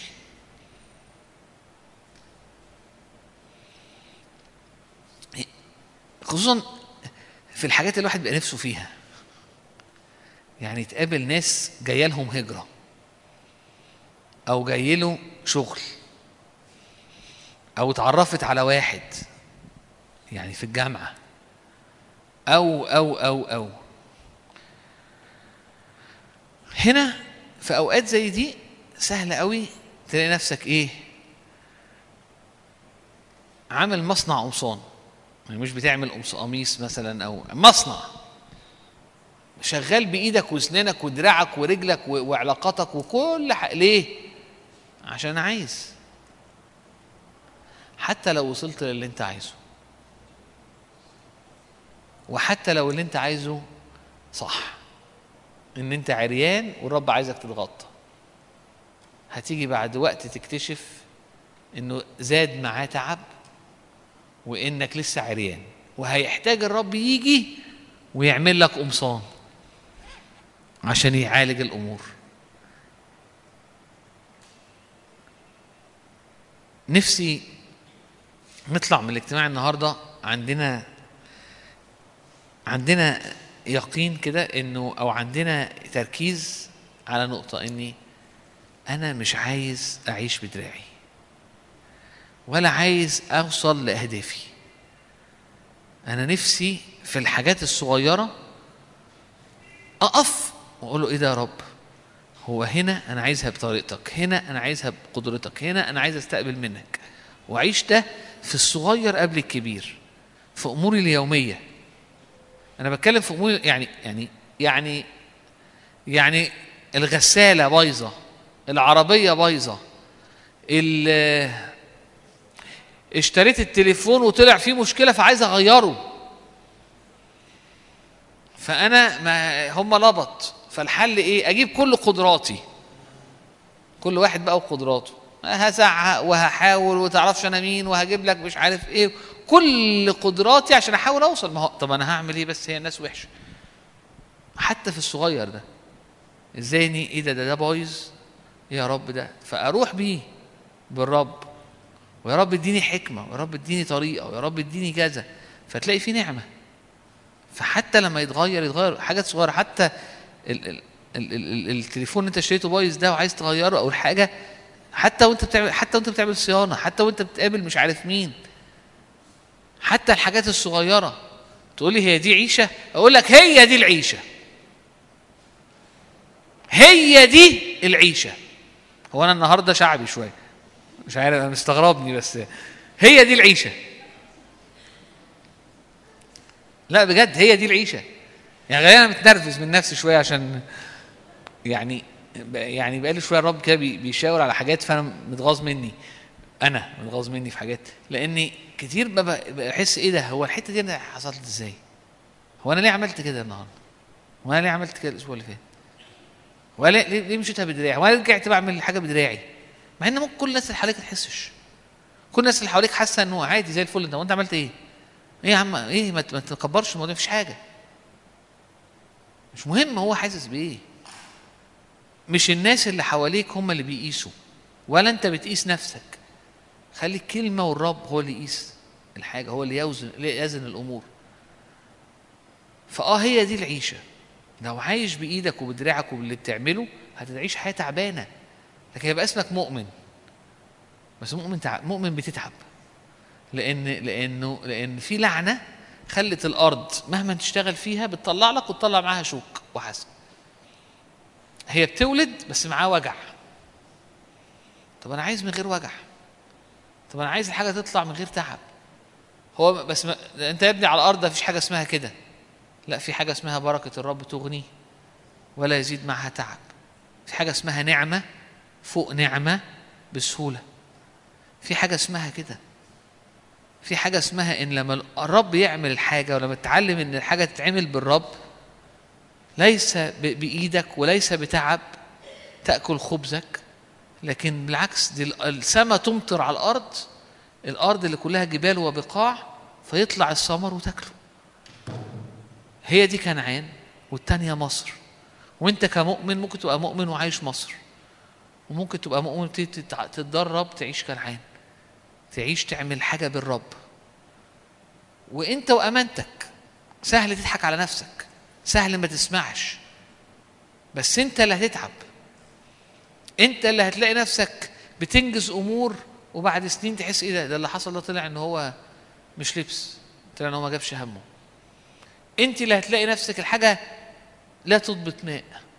إنت اللي هتلاقي نفسك في نص الطريق حاسس إن أنا ده أنا تعبان قوي رب يقول لك يا ابني إيه اللي تعبك؟ إيه اللي إنسان تشتغل بقدرتك؟ أنا عاي... إيه اللي... الأرض مش هتجيب ثمر. 60 و90 و100 هتجيب ثمر قليل. ما تشتغل بالطريقة الثانية ما تشتغل بالروح. ما, ت... ما تسكن كنعان ما ترعى الأمانة.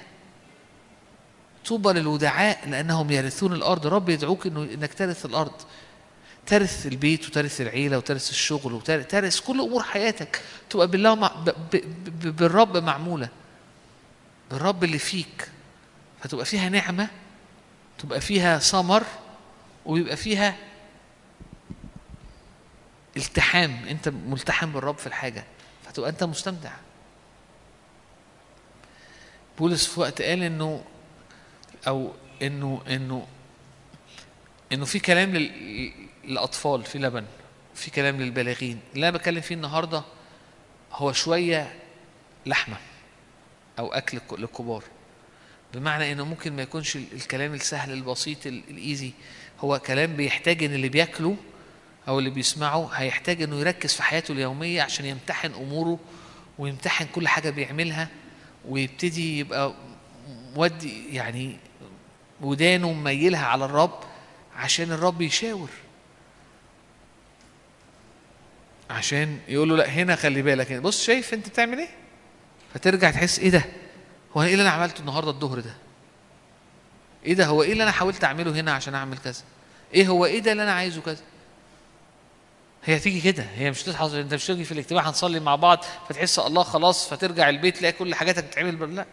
أنت هتبقى ماشي بتتحسس ورب يعلمك بيعلمك إزاي إيه ده؟ خلي بالك أنت هنا هنا ده, ده لا هنا دي دي آه، هند القديمة هنا دي هلا القديمة هنا دي دراعك هنا دي كمال بتاع العادي هنا دي الصنعة بتاعتك برافو ده انت.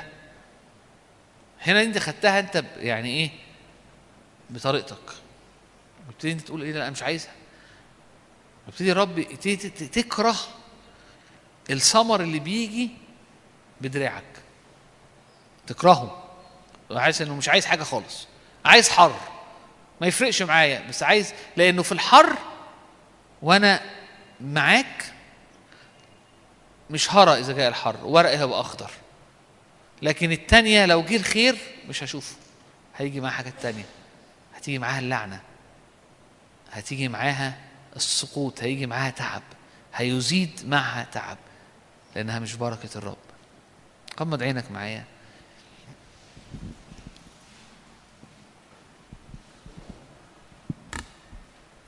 يا رب أنا بصلي إن كل حد فينا يضع إيده يا رب على قلبه يا رب ويضع يا رب قلبه يا رب عند قلبك ويقول لك يا رب أحيا لا أنا بل المسيح يحيا فيا.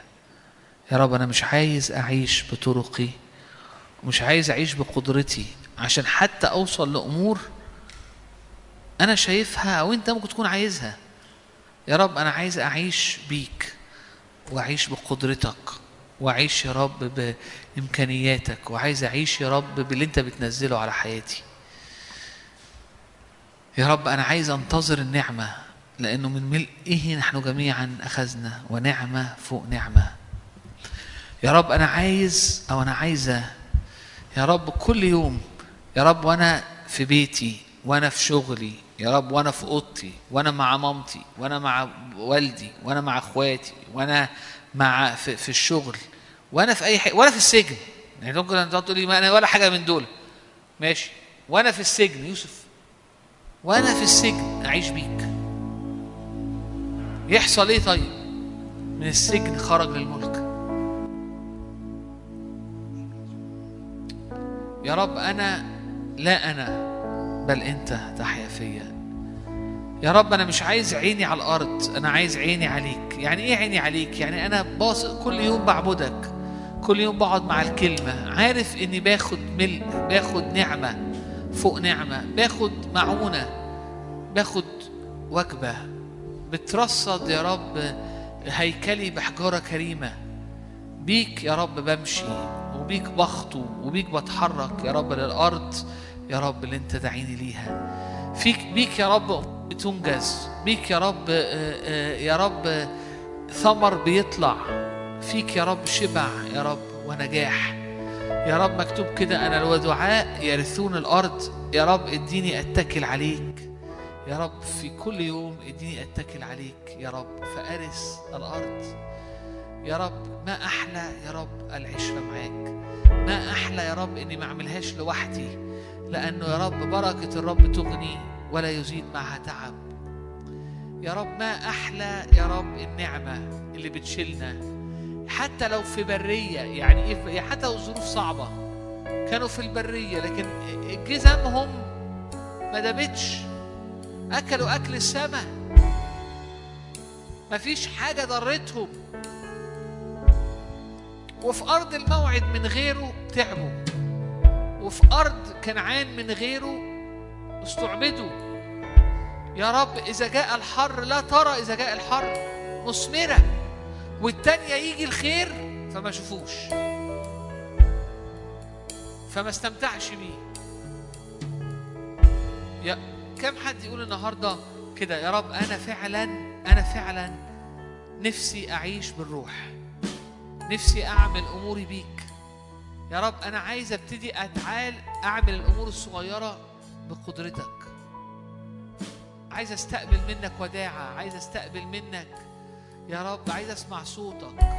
يعني عايز عايز أصلي للأمور وأسيبها عندك. عايز أسمع صوتك.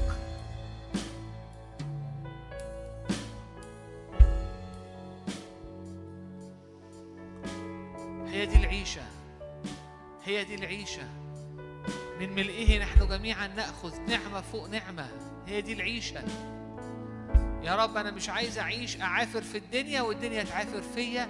أنا عايز أعيش يا رب أمتلي منك وأمتلي نعمك وأمتلي بحضورك يا رب فأتحرك يا رب. مليان زيت. يا رب أثاري تقطر دسما. لأن أثارك تقطر دسما. عايزك تغمس رجلي في الزيت فامشي بسلاسة.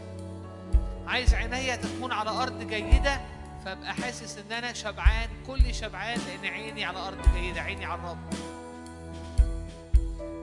عايز أموري تبقى بالله معمولة فيبقى بلا تعب.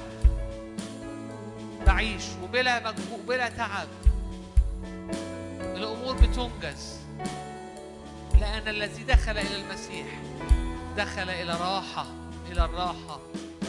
لأن الرب قال قد أكمل. قد أكمل. قول كده جواك قد أكمل. في السلوك بالروح قد أكمل. في السلوك بالروح قد أكمل. قد أكمل. العمل أكمل. أتم العمل. في يسوع تمام العمل. الودعاء يرثون الأرض. لا بالقدرة ولا بالقوة بل بروحي قال رب الجنود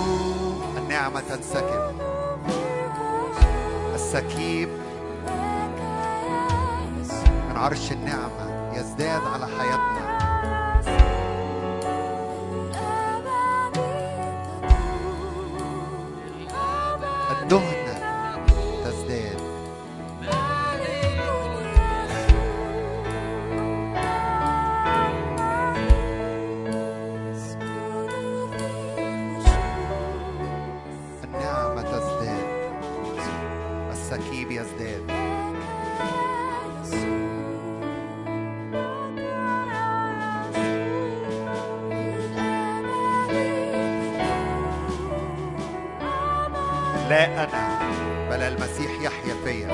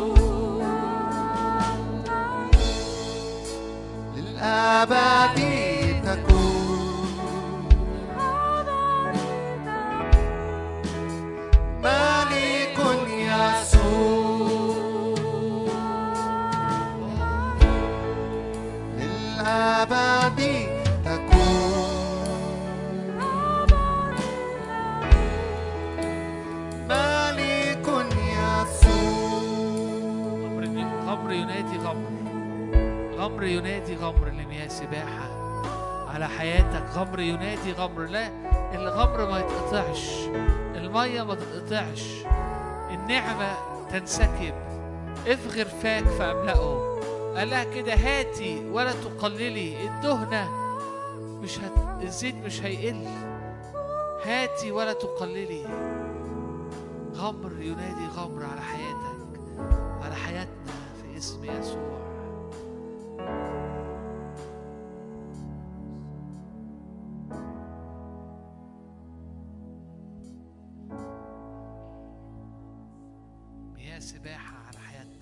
سباحة غمر ينادي غمر. يا رب نقف قدامك يا رب ونستقبل كل يوم يا رب من عرش النعمة. نستقبل مية تحملنا وتأتي بنا يا رب. وتكسر كل لعنة في الأرض. وتكسر كل عناد لإبليس. غمر ينادي غمر لمياه سباحة. تحملنا تحملنا. المركب تحمل تحمل وتمشي بسهولة في النهر. غمر ينادي غمر. حياة متشالة بالمية.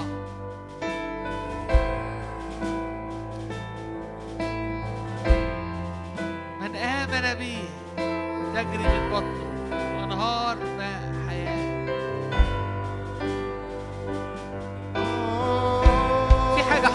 حاصلة النهاردة.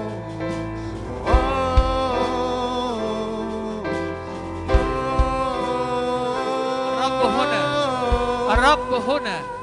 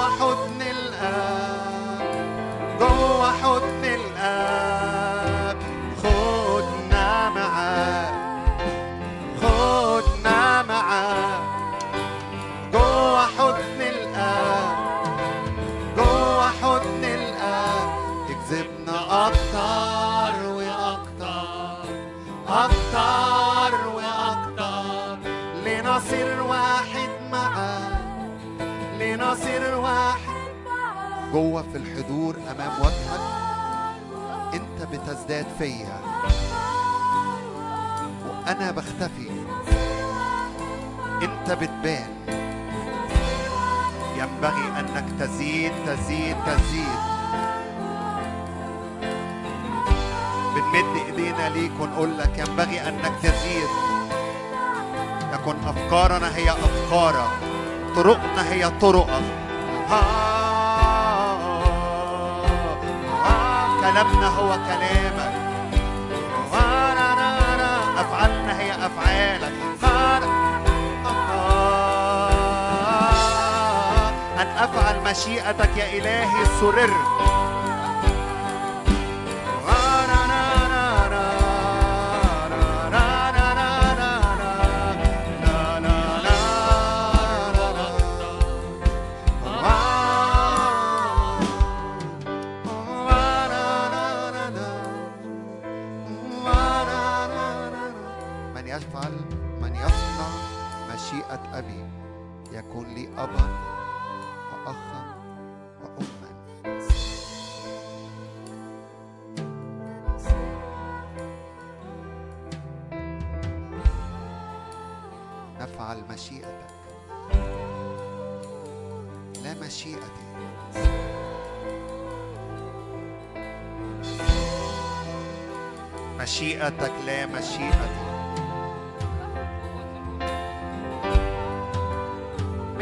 كده للرب وقول له يا رب ينبغي انك تزداد فيا وأنا أنقص. وتكون مشيئتك معلنة واضحة.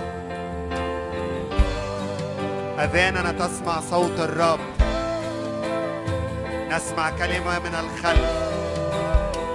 هذا هو الطريق. أسلك فيه أسلك فيه. هذا هو الطريق. وعلى طريقي الرب يضيء نور. لا ظلمة ينبغي أنك تزيد يسوع يسوع يسوع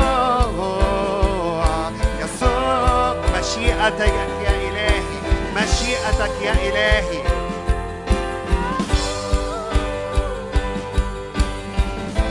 مش بس إني أعرفها أو أدركها أن أفعل مشيئتك.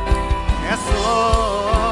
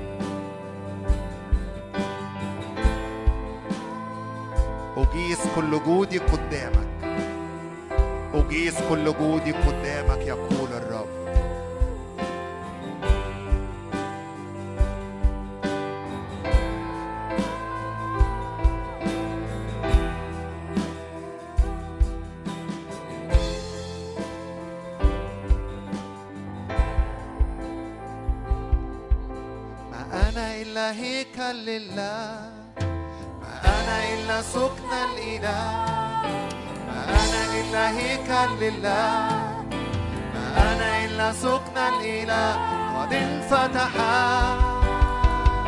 لي السماوات ما أنا إلا هيكل لي ما أنا إلا هيكل لله ما أنا إلا سكن الإله ما أنا إلا هيكل لله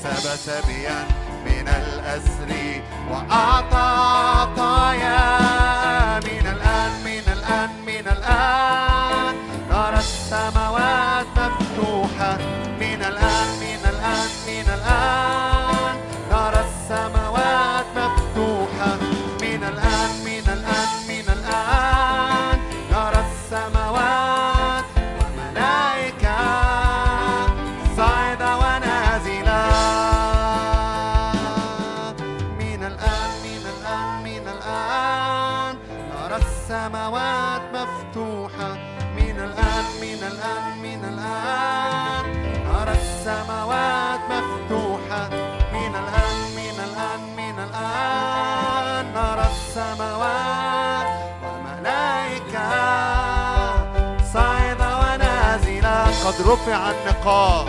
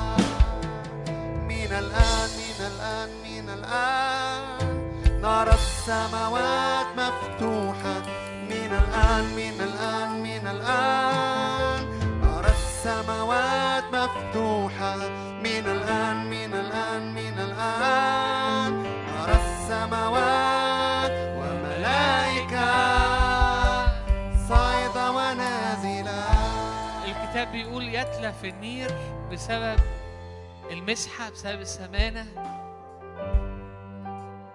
والرب يسكن دهنة على حياتنا وبيسكن دهنة على قلوبنا كل مرة بنقف قدامه. دايما عنده دايما عنده نعم دايما عنده دهنة. أنا عندي إيمان إنه إنه في دهنة طيبة على حياة كل حد فينا. بتنسكب في الوقت كل في الأوقات الجاية كل ما هنقف قدامه كل ما هنختار إن إحنا نحيا بيه هنلاقي دهنة هنلاقي معونة هنلاقي من من السماء هنلاقي دهنة تتلف النير تدينا قدرات جديدة. زي الصبي صمويل زي داوود ال- ال- ال- الشاب الصغير دهنة تخليك تضرب تقتل أو أو أو تسقط غليات دهنة تخليك بسهولة. يتراءى الرب من جديد في شلوة أو في, في أرضك وفي أرض الناس اللي حواليك بسببك. في دهنة على حياتنا. في دهنة على حياتنا. في حاجة منسكبة. قولوا للصديق خير. ليه خير؟ لأن في دهنة. لأن في مسحة. لأن في حاجة بتتسكب. لأن الرب يعطي. لأن الرب يحملنا. لأن من ملئه جميعا نأخذ نعمة فوق نعمة. اتملي بال... بال... بال... فعلا بجد عايزين نتملي على الأقل بالرج... باليقين ده إنه في حاجة ليا. ما تقعدش قدام الرب وتبقى حاسس إن هاخد في حاجة ليك. خلي قل- قلبك مستقيم قدامه عايز تعيش لا أنت بل المسيح فيك. وقف قدامه تقدم لعرش النعمة. تجد معونة تجد نعمة تجد عون في حينه. الرب هنا الرب حاضر. الرب أحبك وأحبني. دهنة طيبة. آمين.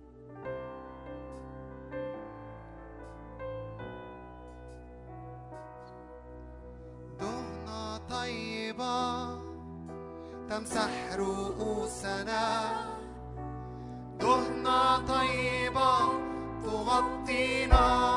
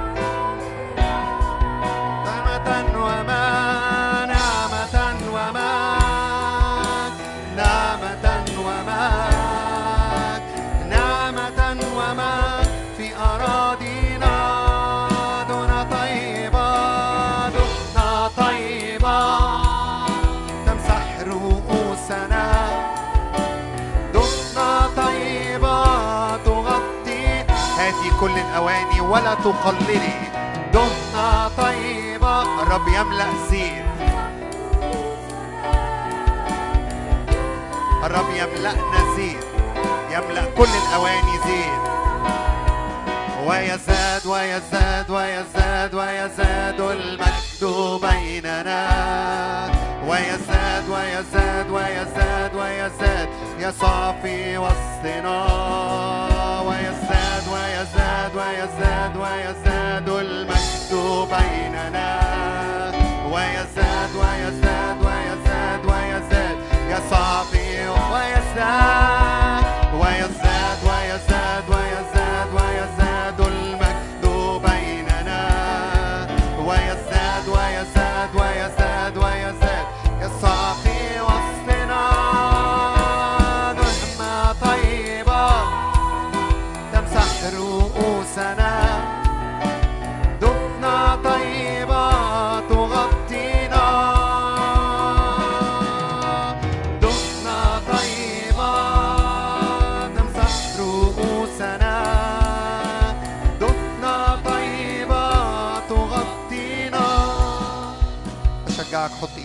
عينك وأطلب زيت الإلماع الوجه تنفتح أعيننا. فنبصر نبصر الرب القدير الملآن. نبصر النعمة النازلة علينا.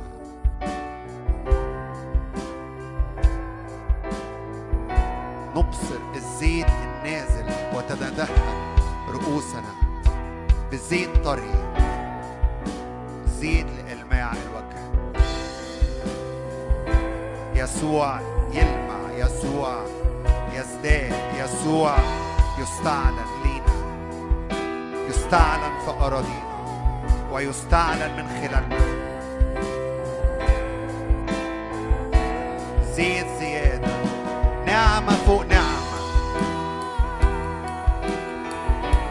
نعم نمتلئ.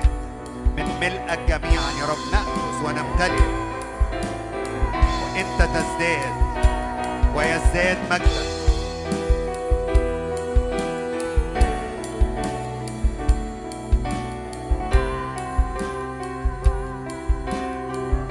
وأنا أنقص وأنا أنقص.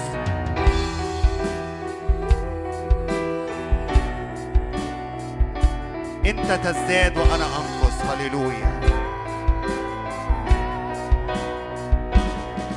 ويزداد ويزداد ويزداد ويزداد المجد بيننا ويزداد ويزداد ويزداد ويزداد يسوع في وسطنا ويزداد ويزداد ويزداد ويزداد المجد بيننا ويزداد ويزداد يسوع في وسطنا مدينة الله مدينة قوية. أسوار خلاص أبواب تسبيح. مدينة الله مدينة قوية. أسوار خلاص أبواب تسبيح. مشرفة كالصباح طاهرة كالشمس. ده إنت. تخرج كعروس. مزينة للراس. دي العروس، ده الروح جواك. مشرفة كالصباح طاهرة كالشمس. تخرج كعروس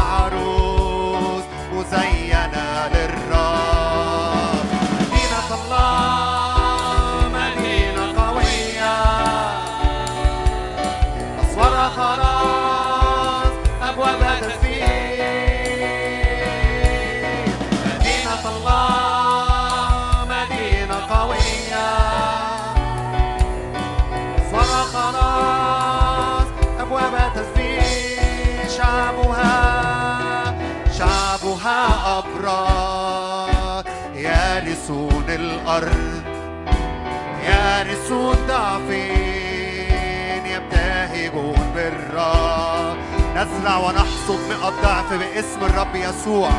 نزرع ونحصد مئة ضعف في الملكوت. يارثون ضعفين يبتهجون. شعبها شعبها أبرار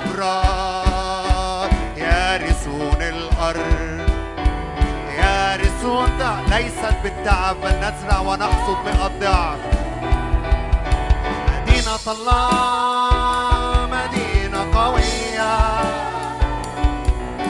أسوارها خلاص أبواب تسبيح. مدينة الله مدينة قوية. أسوارها خلاص أبواب تسبيح.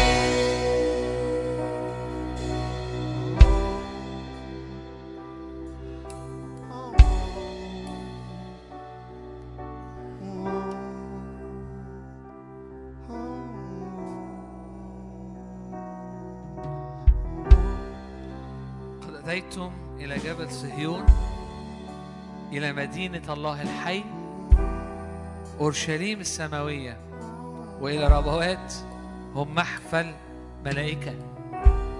هو ده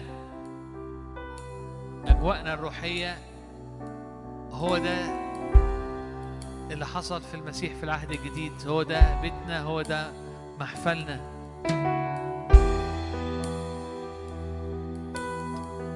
يا رب لنا مدينة. لنا مدينة قوية. يا رب ولنا هيكل. يا رب لا يعرفه العالم. يا رب الأمور اللي في الأرض كانت أشباه يا رب لحقائق سماوية. لنا جبل. بنعبد فيه بالروح بنعبد فيه بالحق. لنا جبل. فيه بنتراءى الرب. في بنتغير إلى تلك الصورة عينها في من ملء بنأخذ نعمة فوق نعمة. حياتنا يا رب مش حياة طبيعية. إحنا عايشين فوق الطبيعي. إحنا عايشين في المسيح. كان أحد في المسيح فهو خليقة جديدة. الأشياء العتيقة قد مضت. هو ذا الكل قد صار جديدا. هللويا.